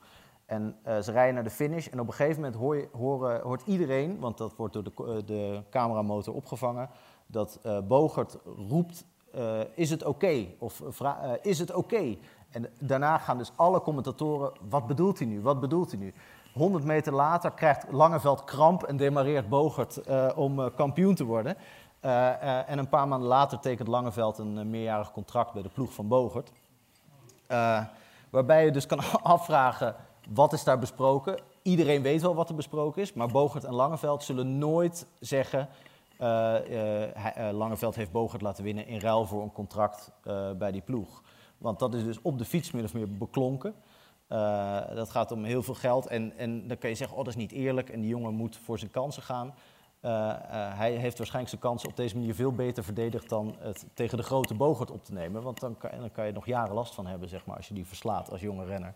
Dus, dus dat soort dingen spelen allemaal mee. Iedereen weet het, maar het spel is dat, dat dat dan binnenskamers blijft, min of meer. Ja. Oh, sorry. Ik kom. Oh. Dankjewel, uh, prachtige les luisteren. Eh, dit wordt ook de laatste vraag voor de pauze. Eh, ik krijg het beeld van, er zijn heel veel taboes, Mhm. maar er blijft maar één taboe over. Dat is praten, vertellen wat het taboe is, vertellen wat er gebeurt. Eh, zijn er nog, behalve dat, ook nog andere taboes die, jij, die, die wij hier missen? In, in, in welke... In, in- waar, waar- denkt u zelf aan iets? of- Dingen mogen niet helemaal ontmaskerd worden. Er moet een soort geheimen blijven. Ja. Dus iedereen weet alles. Er zijn geen taboes in het wielrennen. Behalve, het enige taboe is dat je over dat taboe uitweidt. Ja. Dat je er de in- en outs van vertelt. Maar zijn er ook nog andere dingetjes die niet, niet mogen? Is er naast de Omerta nog iets? Eh, ja, ja, de- dat, is, dat is natuurlijk al een heel veelomvattend, eh heel veelomvattend eh, begrip, zeg maar. Dus in de, binnen de omerta, dat is, dat is dan zo'n zo'n maffiaterm, een beetje, dat, dat klinkt eh, dramatischer Spannend. dan het is, ja. Eh, eh, de, de, de, de- nou ja, ik, ik, ik, ik zit te denken, ik, ik weet eigenlijk niet zo goed. Ja, heeft u zelf suggesties of niet? eh? nee. Ja, ja, nee, dan, dan eh, eh, ja, hier, moet ik, hier moet ik misschien tijdens de pauze even over nadenken. Want ik, ja?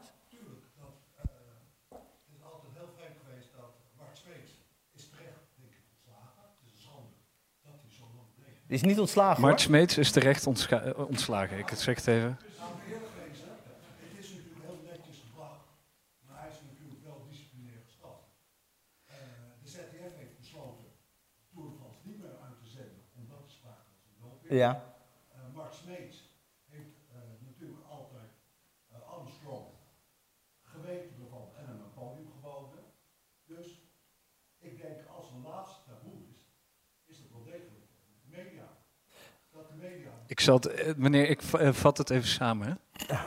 weten de journalisten dingen die ze niet vertellen.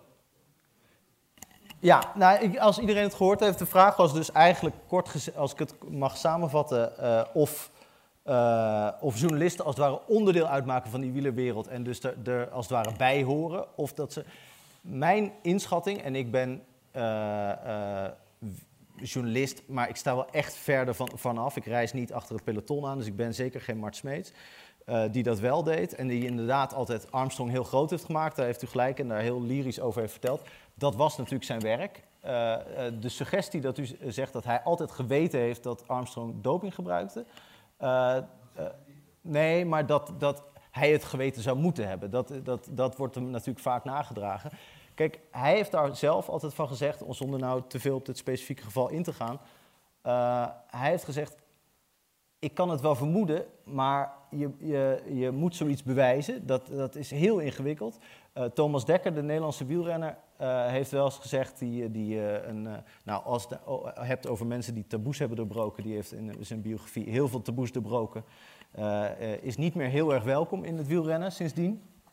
Ehm, die heeft verteld dat altijd als Mart Smeets met een cameraploeg richting de bus van Rabobank ging, waar zij zich aan het omkleden waren en waar zeg maar, de, de, de ampullen eh, snel in de koelkast werden gelegd, eh, daar, werd, daar werd hij altijd enorm uitgelachen als hij in de verte kwam aanlopen. Omdat ze, ze zeiden, daar komt hij weer met zijn heroïsche vragen en zijn dingen en zo. Hij weet van niks, de man weet van niks. Dus de, eh, eh, het idee dat journalisten er zo bij horen dat ze het, het, het voor zich houden om de, om de sport niet te schaden of wat dan ook, dat, dat durf ik wel echt te bestrijden. Misschien is dat een individueel geval wel. Ik, meneer, ik stel voor dat we deze eh, discussie in de pauze voortzetten. Ehm, het is een interessante vraag en de vraag Ja, is ook zeker. wie vertelt het verhaal. Nou ja, goed, dit is wel echt een, een, eh, iets natuurlijk wat in het wielrennen, ook voor mensen die niet van wielrennen houden, best wel kleeft natuurlijk heel erg aan de sport. Misschien wel meer dan nodig en meer dan, dan, eh, dan, dan het wielrennen verdient. En dan, dan, ja, het, het doet gewoon afbreuk aan de, aan de lol die je kunt hebben aan het fietsen. Maar goed, het is nou eenmaal een, een probleem dat eh, de kop blijft opsteken. En tegelijkertijd is het ook weer een nieuw verhaal waar ik ook wel, wel, wel lekker op ga eigenlijk, moet ik zeggen hoor, vaak, dat, eh, die doping. Maar goed, het is voor heel veel mensen ook heel verdrietig. Ja. Nou, en met die gedachte lijkt me een mooie gedachte om de pauze in te gaan. Ehm, We hebben een korte 10 minuten pauze, maar ik stel voor dat we die pauze allereerst inleiden met een, eh, en dan mogen jullie ook daarna opstaan, met een daverend applaus voor Frank Heijnen. Dankjewel. Welkom eh, terug. Het was een korte pauze. Ik hoop dat jullie allemaal eh, drinken hebben kunnen halen, dan wel eh, naar de wc hebben kunnen gaan. Wat je eigenlijk het leukst vindt. Ehm, we hebben nog een tweede deel. En zoals beloofd mogen jullie straks allemaal vragen stellen. Maar we hebben eerst een muzikaal intermezzo. Want er is dus niet alleen is wielrennen een inspiratie voor podcasts en verhalen. Maar ook voor liedjes. Als iemand het weet is het Pieter Jan de Smet. Jan de Smet heeft ook een band die PJDS heet. Die naar hem vernoemd is. Ehm, dat kan ook nog. Het zou een wielrenner ook niet misstaan om dat te doen, geloof ik, na vandaag. Ehm, maar ja, eh, en Pieter Jan schrijft zo ook aan, dus jullie kunnen ook eh, straks vragen stellen over hoe, hoe je liedjes schrijft over wielrennen. Maar eerst eh, zou ik zeggen, zing je er een. Ik ga, ja, ik ga er meteen eentje zingen. Ik zal er ook een kort woordje over zeggen, want het is eh, het enige echte eh wielerliedje wat ik ooit geschreven heb. En het was namelijk in opdracht. Want ik vind eh, muziek iets fantastisch, ik vind wielrennen fantastisch, maar de som van beide vind ik meestal ongelooflijk saai. Maar deze was in opdracht van Sporza, omdat vorig jaar dus de Tour de France startte in Brussel. Omdat het 50 jaar geleden was dat Merckx zijn eerste Tour won. En eh, het heet Eddy VDB en Van der Poel zijn PP. Overigens, die twee komen er dus in voor. Merckx en Van der Poel zijn PP. God hebben zijn ziel.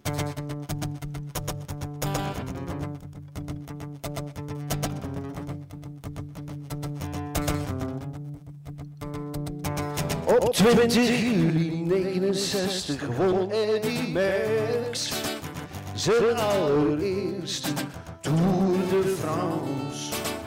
Om dat te vieren en ook uit respect trakteerde koning Boudewijn op croissants. Op de ochtend van het Fête National, luttele uren voor het défilé. Ontbeten strak geklede kannibaal op het paleis en zijn Claudine mocht mee. Hij kwam de vorige avond laat uit Parijs terug met de privéjet van VDB. Want dat bespaarde hem een lange autoreis. Hij groette zijn supporters, ging om drie uur met Claudine mee en keek nog naar de maanlanding op tv. Eddy Merckx won in 1969 met grote overmacht de Tour de France. Met 18 minuten voorsprong op de tweede en nog meer op Mathieu van der Poel zijn PP.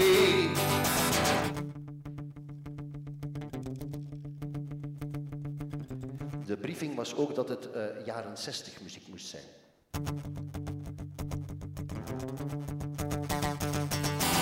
De grote markt van Brussel stond barstens vol. Duizenden vierden daar de kampioen. Eddy Merckx, maar die was pas rock and roll. Hij ging die avond naar Aalst, want daar wachtte het criterium. En kijk wie stond daar zegevierend op het podium. Eddy Merckx won 1969 met grote overmacht de Tour de France. Met 18 minuten voorsprong op de tweede en nog meer op Mathieu van der Poel zijn PP.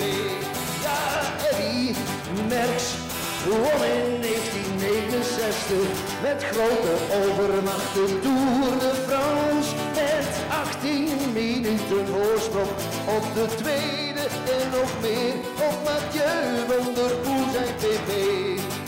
Op Mathieu van der Poel zijn PP. Merci. Pieter Jan de Smet.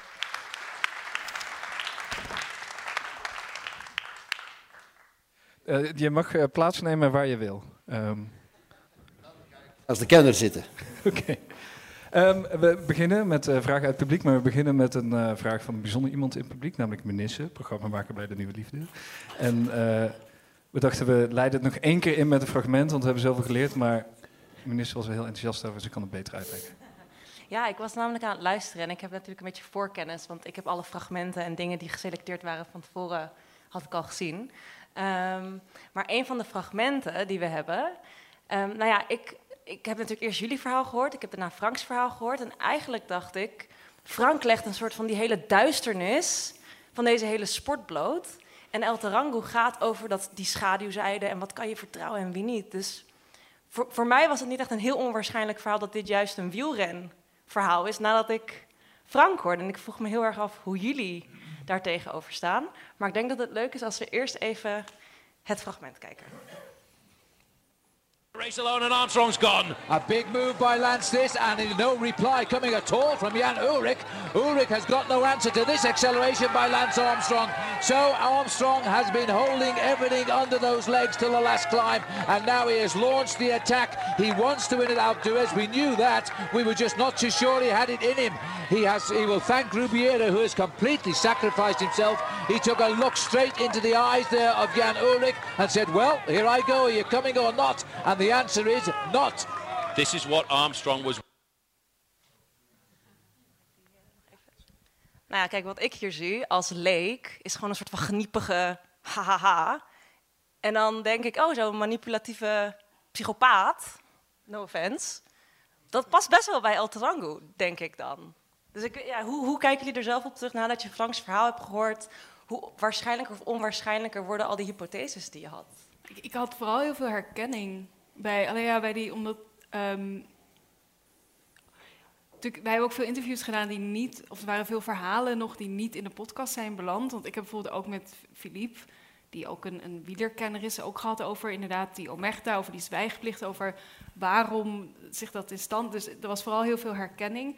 Ehm, en ehm, in die omerta zat natuurlijk ook een deel van het antwoord van El Tarango. Want een van de vragen daaraan is: waarom is dit ook nooit goed uitgezocht van 2003? Waarom heeft iedereen dat ook maar zo wat laten gaan? Lucien van Impe heeft het ook maar wat laten gaan. Alle, al die figuren daar rond. Michel de Motard is op een gegeven moment. eh, eh, blijkt een persoon te zijn ja, die er ook iets mee te maken heeft. Een, eh, iemand die op de motor rijdt. Ehm, die dan ook bij dat etentje aanwezig was. En, en ik vraag, we vragen die ook van, hé, maar geloofde je dit dan? En hij zo, ja, zo van, eh, in de koers gebeuren hele rare dingen.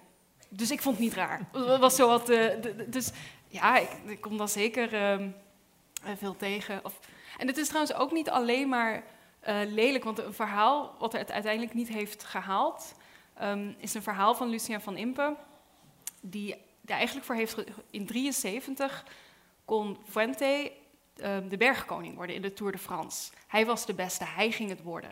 Maar de reden dat hem dat niet is gelukt, omdat in 69, dus een paar jaar eerder, ehm, of in 67, ik weet even meer, Lucien van Impe, die eh, deed toen een amateurwedstrijd. En als hij daar goed deed, zou hij prof kunnen worden. Maar Spaanse jongens hebben hem letterlijk van de berg geduwd. Ehm, want hij was aan het winnen, eraf geduwd. En dan is hij eh, terug naar boven geklommen, als een ravijntje in, boven geklommen. En daar stond een Spaanse jongen en die, en die heeft, gaf hem te kennen van, ik ga jou helpen. En die heeft hem teruggeholpen dat peloton in. Die is hem jaren daarna niet meer tegengekomen, tot in die Tour de France. Dat was Pedro Torres. En toen heeft Lucien van Impe gezegd, ik ga u helpen.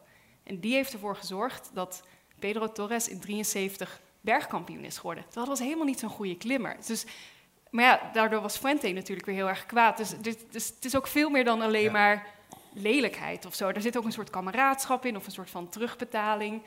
Ehm, en dat, dus, dus dat heeft ook een mooie kant. Ja, die omerta is natuurlijk voor een deel kameraadschap. Dat Ja. is, dat is we, we zijn met elkaar, we zitten met elkaar in dit schip en we, we moeten elkaar er doorheen eh, eh, helpen. Dat, dat, dus dus die, dat, dat terugbetalen, dat, daar, zit een mooie kant en een duistere kant aan. Dit is, dit is eh, een voorbeeld van een mooie kant die je heel vaak ziet. Dus soms gebeurt er iets, als je gewoon als, als liefhebber zit te kijken naar een wedstrijd, dan gebeurt er iets dat je denkt, hoe kan dit? En dan blijkt dat zijn oorsprong te hebben, los van fysieke eh, mogelijkheden of onmogelijkheden, los van ploegbelangen, los van geld, maar dan eh, op persoonlijk vlak. Armstrong, die we net zagen, was daar bijvoorbeeld. dat was iemand die op alle eh, facetten van het wielrennen. Die had wel, eh, denk, of heeft denk ik wel, eh, licht psychopathische neigingen. In ieder geval in die periode had hij dat zeker. Dat was iemand die de vrouwen van zijn concurrenten verleidde. En de- daar, daar gaan verhalen over dat hij dan berichtjes stuurde naar Hamilton, die vroeger zijn meesterknecht was geweest. Hem aan de Tourzege had geholpen. Na een paar jaar dacht nu wil ik zelf een keer proberen de Tour te winnen. Kwam hij Armstrong tegen en toen heeft, is Armstrong achter zijn vrouw aangegaan. eh, en stuurde berichtjes eh, eh, de hele tijd om te suggereren dat dat ook zeer geslaagd was. Dus op die manier zie je, dus dat speelt ook allemaal in zo'n wedstrijd mee. Dit is dan wel weer een duistere kant. Ik, ik doe mijn best om nog iets leuks te doen. Het begon met kameraadschap en het eindigde met vrouwen Ja, maar om, om even terug te komen op dit fragment, dit heel specifiek, eh, want over Armstrong is, kan je, zit, daar zitten ook heel wat podcasts in, eh, eh, over zijn carrière en zijn leven. Dit specifieke moment is volgens mij in 2001 eh, op Alpe d'Huez, ik denk de eerste belangrijke bergrit.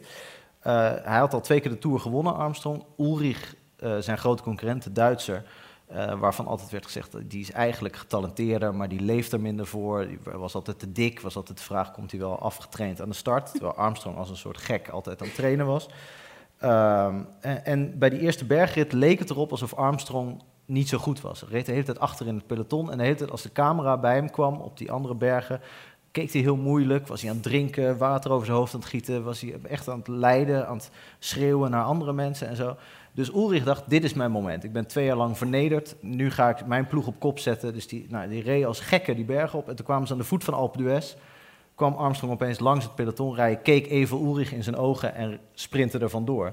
Dus dat is op, nou ja, dan heb je iemand dus nou, voor jaren waarschijnlijk eh, gedemoraliseerd. Als je dus op die manier kan spelen met eh, verwachtingen en iemand zo in de val kan laten lopen en zijn hele ploeg kan laten eh, opgebruiken.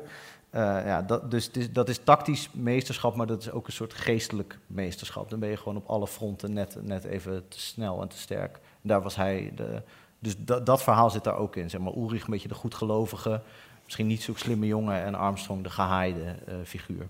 Maar dat is toch ook iets typisch aan wielrennen. Een van de dingen die wielrennen naar mijn gevoel ook mooi maakt en die het dramatisch maakt.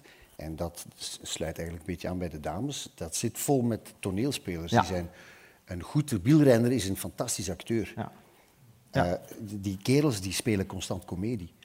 Als je, eh, je- kan dat vooral in, in grote rondes zien. Dan, dan, dan hangen ze het ongelooflijk uit. En dan voelen ze zich zogenaamd heel erg slecht. En op de goede moment, dan, dan als, als echt zand in de ogen gooien, dat is eh, een ongelooflijk goede tactiek en die vaak gebruikt wordt. En er zijn er ook die heel slecht acteurs zijn en die, Ja. die worden hard uitgelachen. Ja, dat is gewoon gebrek aan talent. Eh, ja, dat is echt zo. Het is een deel van Was een daar een vraag? wielertalent. Ja. Ik kom eraan. Mathieu van der Poel nou een goed acteur? Mathieu van... Ja, nou, zou ik zeggen van niet, Ik, ik denk denk, ik. dat is gewoon eh, een uitzonderlijk atleet Ja. in eerste instantie.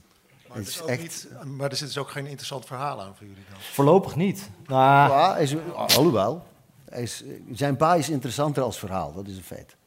Maar eh, dat komt nog wel. Hè. Ik bedoel, er zal wel eens een dag komen dat hij zal moeten, eh, zoals wij zeggen, muilen trekken. En dan, eh, dan gaan we zien of hij het kan of niet. Zijn, hongerklop. Ja, nou ja, kijk, kijk mocht, Dat hij, was volgens mij- mocht hij nooit meer wereldkampioen worden, dan is dat natuurlijk zijn grote eh, dramatische moment. Het is natuurlijk iemand die zoveel talent heeft dat er eigenlijk niet zoveel drama aan zit, omdat hij altijd de beste is en altijd nou ja, ook nog eens een keer eh, zich heel goed presenteert en een goed verhaal heeft. Maar eigenlijk eh, eh, natuurlijk voor, voor mensen zoals ik, of mensen zoals wij, eh, eh, niet, niet heel interessant. Eh, je kan alleen maar zijn, zijn suprematie beschrijven. Nou, dat, daar ben je snel over uitge... En zijn ontzettend mooie stijl. Hè. En zijn je, stijl, je, kan, ja. je, je kan daarnaar kijken als een soort van Grieks beeld als hij op zijn fiets zit. Ik. Ja, het is, het is een ongelooflijk technische rennen. Je ziet ook dan opeens dat wielrennen, en zeker cyclocross, waar die gisteren wereldkampioen werd, een hele eh, technische sport is. Ja. Mensen maar- denken dat is dom fietsen, maar dat Nee, helemaal niet. Maar het, het, moment in het wereldkampioenschap is, eh, was, eh, was gewoon, denk ik, een, een, nog een, een, een stomme fout die hij gemaakt heeft. Ik denk dat hij daar ho- hoegenaamd geen comedie speelde. Want Nee. waarom zou je daar gaan comedie spelen? Beginnersfout. Dat is een beginnersfout, denk ik. Maar- En hij, hij wou, hij wou het niet toegeven in het begin. Ik begrijp dat we het hier over een hele goede wielrenner hebben. Ehm, Ja, een landgenoot. dat vermoedde ik ook, Dennis. Ja. De- Is het, is het, eh, het- volgens mij is het Batman waarin gezegd wordt, eh, je sterft of als held of eh, je leeft lang genoeg om zelf de slechterik te worden. Geldt dat in het wielrennen ook? Kunnen we dat in deze man zijn carrière ook verwachten? En, en bij, bij Mathieu van der Poel? Ja. Nou ja, kijk, het is natuurlijk bij zo, bij zo iemand, en dat is bij, eh, eh, als je het over Armstrong hebt, uh, daarvan heb je dat kunnen zien, dat is echt zo, een supertalent. Er komt altijd een moment dat er iemand anders beter is en dat je je toevlucht moet nemen natuurlijk tot, tot andere middelen om, je, om te winnen. Bij Armstrong was dat in het jaar dat hij in de ploeg zat met iemand die eigenlijk beter was. maar die ploeg was van Armstrong. Dus hij had zijn eigen grootste concurrent in zijn eigen ploeg. En probeerde die jongen gewoon voortdurend te intimideren. om te zorgen dat hij de Tour de France niet zou winnen. En uiteindelijk heeft die jongen, omdat hij zich zeer koppig toonde. Contador was dat, een jonge Spaanse renner. Uh, uh, ondanks alle ploegorders toch de Tour gewonnen. Terwijl die ploeg was daar om Armstrong de Tour te laten winnen. Dus die zat ook daadwerkelijk in zijn eentje of samen met een, met een Spaanse vriend te eten. Terwijl de rest van de ploeg, gewoon de clan Armstrong aan de andere kant van de tafel zat met elkaar. Dus op dat niveau gaat dat natuurlijk. En dat, dat, kijk, Van der Poel is ook zo'n talent. Als je heel lang de beste bent en je bent opeens niet meer de beste, dat is natuurlijk moeilijk te verkroppen. Dan ga je rare dingen doen. Hoewel Van der Poel wel een leuke jongen is, volgens mij. Ja. Oké, okay, Zenne, ja. Kom naar u toe en dan kom ik zo hier. Ik wel. Ja, dankjewel. Ik heb voor de dames één vraag. En dat is, uh, zijn jullie met de uitkomst van jullie onderzoek nog naar Fado teruggegaan? En zo ja, wat was zijn reactie? En voor Frank heb ik de vraag, je schrijft veel over voetbal en wielrennen. Dat is ook een combinatie waar ik uh, gek op ben. En ik heb Messi al heel vaak live zien spelen. En dat blijft fascinerend om te zien. Jaloers? Dat hij zoveel beter is dan die andere 21 mensen op het veld. Um, als journalist of als schrijver, als je die twee werelden met elkaar vergelijkt... Kan je daar misschien iets over zeggen, Frank? Het voetbal en wielrennen bedoel je? Ja. ja. Zijn jullie nog teruggegaan naar Falo? Uh, ik, wij zelf niet. Um, ik weet dat Philippe nog wel contact heeft gehad um, met uh, en de Falo en de mensen eromheen, de schrijver van de, de biografie van uh, Fuente daar. Omdat wij voelden vanuit Falo zelf en, en ook zijn weduwe weinig echte, um, ja, hoe zal ik het misschien niet interesse, maar eerder niet, geen echte nieuwsgierigheid naar wat er nu juist aan de hand was of zo. Um, ik denk dat zij het fijner vonden om uh, vooral over uh, Fuente, de wielrenner, te vertellen in, in eer en vol trots. En um, het voor hun eerder een raar randverhaal was of zo. En, uh, maar Philippe heeft nog wel contact met hen gehad en dat sluit meer aan bij waar zij, waar zij het over willen hebben als ze het over uh, een overleden familielid hebben. Wielrennen en voetbal. Wielrennen en voetbal, ja, dat, is, uh, dat zijn sowieso. Nou, wat ik net zei dat, voor de pauze over dat voetbal een spel is. En, en met name natuurlijk een spel dat zich ook daadwerkelijk binnen de. Uh, alles wat er binnen, de, binnen het spel gebeurt, kun je in principe zien. Uh, dat, uh, als je het stadion ziet of op tv, dan, dan zie je wat er gebeurt. En bij wielrennen zie je gewoon de meest wezenlijke dingen zie je niet. En dat, dat verschil is denk ik heel belangrijk. Wat Pieter Jan net zei over grote acteurs zijn, of grote wielrenners zijn toneelspelers. En misschien ook wel een beetje mensen die niet zo moeite hebben met een leugentje her, her of der. Daar, daar, daardoor kun je ook uh, El Tarango maken bijvoorbeeld. Um, dat is bij voetbal anders. Daar wordt misschien wel gelogen, maar het is geen wezenlijk onderdeel van je talent als voetballer, zeg maar. Of je hoeft niet toneel te spelen om een goede voetballer te zijn. Je ziet aan Messi, om dat voorbeeld dan maar te, vast te houden. Dat is iemand die puur op zijn talent nou ja, tien jaar lang de beste speler van de wereld kan zijn. Misschien wel de beste speler ooit. Dat kan als wielrenner niet. Dan moet je op allerlei verschillende niveaus en manieren handhaven. Je moet de leider van een ploeg zijn. Je moet een soort, nou ja, uh, in het geval van Armstrong of binnenkort misschien Evenepoel, het, Belgische supertalent, die moeten uh, een ploeg runnen. Die moeten zorgen dat ze mensen die ze vertrouwen om zich heen houden. Ze moeten zorgen dat die mensen niet te groot worden. Dat ze hen niet aan de. Ze, ze, moeten deeltjes sluiten. Dat hoort allemaal bij bij, bij wielrennen. Dus dat maakt het een wezenlijk ander. Dus iemand als Evenepoel heeft wezenlijk andere karaktertrekken nodig om uit te blinken dan, dan Messi, denk ik. En, hij is wel begonnen als voetballer. Hij is ja. begonnen als voetballer. Ja, je ziet ook aan, aan, hem dat hij eigenlijk, want hij, hij, is, hij had misschien ook wel profvoetballer kunnen worden, dat hij. Ehm, dat hij nog op dat vlak, dus hij is niet echt opgegroeid in het wielrennen. En heel veel van die jongens die, met wie hij fietst, die, die zijn al vanaf een kind af aan en vaak zijn hun ouders ook uh, uh, aan het wielrennen. Dat is trouwens bij hem ook zo. Zijn vader was een slechte of matige wielrenner. Daar komen vaak de beste talenten van. Zijn de, zijn, dat zijn vaak de zoons en dochters van matige wielrenners. en en, en in, in, in zijn geval zie je wel dat hij echt nog dingen moet leren, hele wezenlijke dingen die, die de gemiddelde televisiekijker wel ziet, zeg maar. die, hij nog, die hij puur op zijn talent en op zijn fysieke uh, talent wel kan, kan rechtbreien, maar die, waarvan je denkt van hoe kan je dat nou nog niet zien? dat, dus dat, dat, maar ja, goed, hij leert dat heel snel waarschijnlijk. Dus ik denk dat hij uh, heel snel heel bijzonder is. Maar nou ja, voetbal en wielrennen zijn inderdaad hele andere werelden. Daarbij komt nog dat voetbal inmiddels natuurlijk gewoon echt een entertainment-industrie is geworden. Wielrennen is nog altijd iets voor uh, relatief kleiner een niche. Uh, en de vraag is de hele tijd, blijft die niche bestaan? Sterven wielerliefhebbers uit? Daar zijn vaak discussies over. De gemiddelde leeftijd van mensen die naar het wielrennen kijken schijnt dik in de 50 te zijn. Voetbal ontwikkelt zich wat dat betreft veel sneller en in een, in een richting die ik best wel zorgwekkend vind.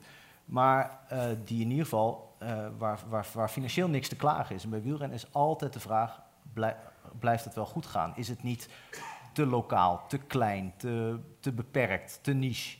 Uh, voetbal is een, is een uh, wereldwijd product geworden natuurlijk. Dat is een wezenlijk verschil, denk ik. En in, die, in die zin...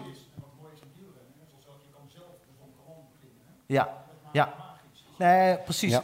Wielrenners ja, klopt. Ja, acteren op... Uh, zijn gewoon in de ja, die kun je gewoon iedere dag tegenkomen. Je kunt als je naar Brussel gaat eh, van de zomer, waar de tour was, dan kun je bij wijze van spreken, s ochtends nog, nou misschien niet s ochtends, maar in ieder geval de dag daarvoor, het parcours van de tijdrit rijden, of van, het, van de ritrijder, die zij, de, uh, die zij smiddags rijden, of de volgende dag. Ja, je kan, je kan de Tourmalet zelf oprijden en, en, en, voelen hoe hard dat is en hoe fantastisch dat is. En hoe stoont je daarvan wordt als dat echt lukt.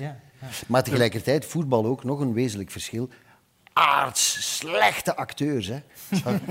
Ongelooflijke slechte Als die gaan vallen, man. Die, dat is allemaal zo slecht gedaan. Hè. De, ze hebben ook coaches die hen dat leren. Hè. Maar het moet er ook een beetje in zitten. En ik denk de meeste voetballers... Um, ja, iedereen kan geen goede acteur ja, Iedereen kan zich een wielrenner voelen. Als wij de Tourmalet uh, met z'n vijven opgaan, dan, dan is het enige verschil dat wij wat minder hard gaan dan de mensen op televisie. Maar goed, dat verschil ja ervaar je niet zo. Maar je ervaart wel dezelfde pijn inderdaad. En precies hetzelfde als wat die renners in de Tour ervaren. Bij voetbal, op het moment dat wij met z'n vijf op het veld gaan staan, weet je meteen, dit heeft niks te maken met wat je op televisie ziet. Dat is wel echt een wezen. Volgens mij ja, je kan hier, niet echt een kamp. Of laat ik voor mezelf vraag. in dit geval. Zullen we, hier was er een vraag. Ergens. Ja. Hoi. Ik was benieuwd of in het uh, vrouwenwielrennen dezelfde verhalen te vinden zijn, of dat daar de belangen misschien, nou weet ik niet, minder groot zijn. Ja. Hmm. Hele goede vraag. Hebben jullie, hebben jullie uh, verhalen uit het vrouwenwielrennen aangeboden gekregen? Wij hebben gezocht. Ja? We hebben echt gezocht. Heel moeilijk.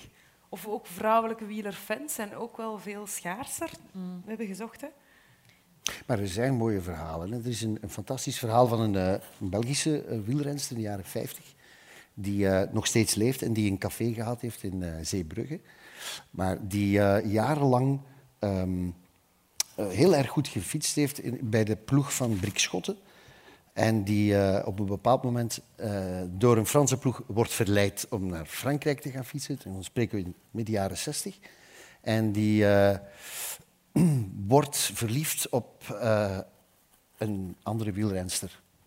En dat mocht niet geweten zijn. En dat meisje is getrouwd tijdens hun samenwerking, laten we maar stellen. En en toen heeft ze die ploeg verlaten, is ze teruggekeerd naar Vlaanderen en mocht ze niet meer binnen bij de ploeg van Brik Schotten. Hmm. Maar het, uh, het, lesbische verhaal bleef helemaal buiten alles. En, maar het is een ontzettend mooi verhaal. Ik, ik vertel het u maar heel sumier, maar het zitten heel veel details in die erg niet saillant zijn, maar toch wel heel schoon zijn. Ontroerend. Ja, ja er, zijn, er zijn zeker van dit soort klassieke verhalen. Een heel beroemd verhaal is van uh, de Italiaanse renster Alfonsina Strada die zo goed was dat ze bij de mannen meedeed aan de Ronde van Italië en die ook uitreed. In de jaren twintig. En uh, dat, dat was dus natuurlijk een, een schande. Voor, ze, in, in, Italië vonden, vonden mensen dat, dat vrouwen zeker niet aan sport moesten doen, helemaal niet aan wielrennen. En die reed volgens mij in een rok de, de Ronde van Italië. Was echt fysiek een ongelooflijk talent.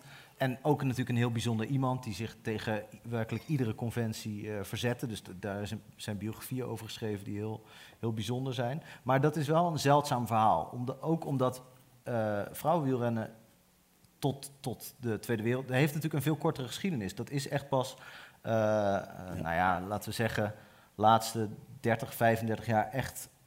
is dat, is dat, is, heeft zich dat ontwikkeld, 40 jaar misschien... Uh, dus nu komen die verhalen, nu worden bepaalde verhalen, zoals in Nederland Leontien van Moorsel, wordt een klassiek verhaal. Dat is eigenlijk, daarvoor is, is, is niet zo heel veel. En de, de, de mannenwielergeschiedenis gaat terug tot, tot eind 19e eeuw.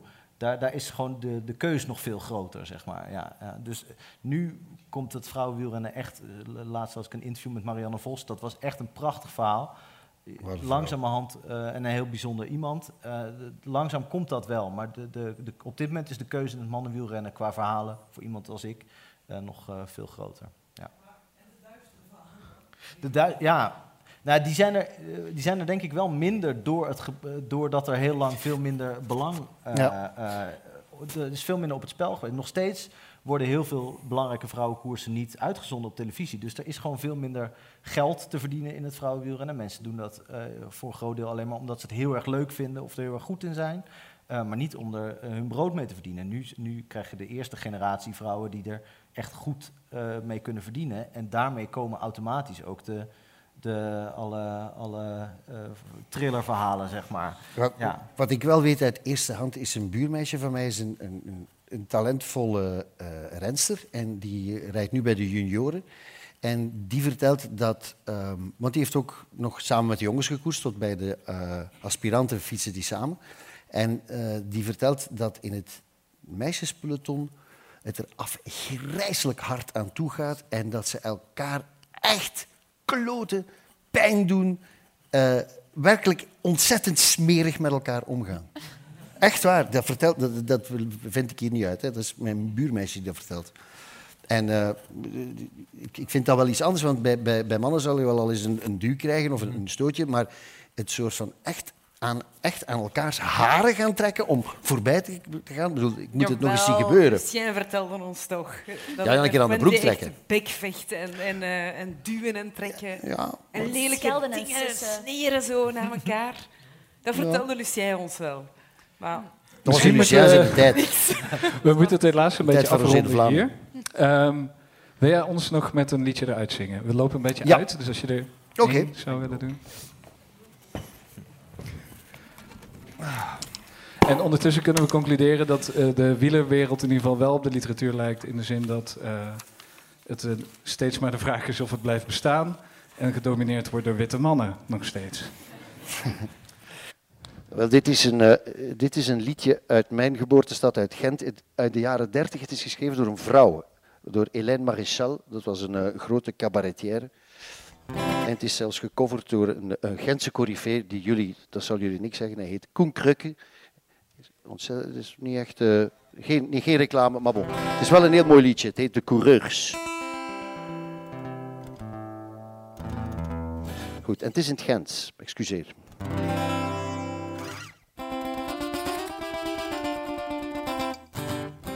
Dat is tegenwoordig wat gezet met sport hier in ons land. Coureurs in alle kant, het wordt soms wat onbetankt. Ze kunnen nog niet lopen of zijn onder velo. Eerst even rijden ze Parijs-Bordeaux. Maar om coureurs te zijn die moeten kunnen rijden. Dat is niet genoeg met alle dagen uit te gooien. Je moet niet ruiken of niet drinken of niet vrijen. En alle dagen mee te kieken sloppen gooien. Maar om coureur te zijn die moeten kunnen rijden. Dat is niet genoeg met alle dagen uit te gooien. Je moet niet ruiken of niet drinken of niet vrijen. En alle dagen mee te kieken sloppen gooien. Je ziet van die coureurs die soms gewoon koersen op de point. Ze zien niemand niet staan, ze gooien de boel verslooien. Kortoms achter een uur of twee zitten ze al op café. Geroken ze aan spel en is passé. Maar om te zijn, die moeten kunnen rijden. Is niet genoeg mee alle dagen uit te gooien. Je mag niet ruiken of niet drinken of niet vrijen. En alle dagen mee de kieken sloppen gooien. En toen gaat de coureurtjes vol van moed en energie. Dat in de zes dagen hier al kunnen zien. Ze vallen en ze struikelen en toen schrijden ze in galop. En ze geven het verouderen opnieuw op. Mooi, oom te zijn die moeten kunnen rijden. Dat is niet genoeg mee alle dagen uit te gooien. Dan je niet ruiken of niet drinken of niet vrijen. En alle dagen mee de kieken sloppen gooien. Voor om keurig te zijn die moeten kunnen rijden. Dat is niet genoeg mee alle dagen uit te gooien. Dan je niet ruiken of niet drinken of niet vrijen. En alle dagen mee de kieken sloppen gooien.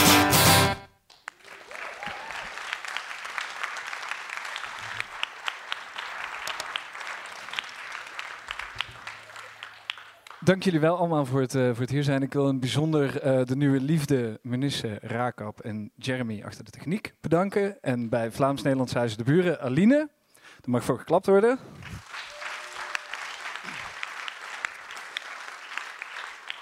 Uh, we kunnen nog even naborrelen en dan kun je ze ook aanspreken, maar ik geef ze allemaal een hartelijk applaus. Audiocollectief Schik, oh, ah, Jezus. Audiocollectief Schik, Frank Heijnen en Pieter Jan de Smet. Dit was het. Je luisterde naar een podcast van De Buren, het Vlaams-Nederlands Huis voor Cultuur en Debat. Benieuwd naar ons literaire aanbod? Luister dan ook naar radioboeken, citybooks en andere audioverhalen. Ontdek ons podiumprogramma en al onze digitale producties op www.deburen.eu.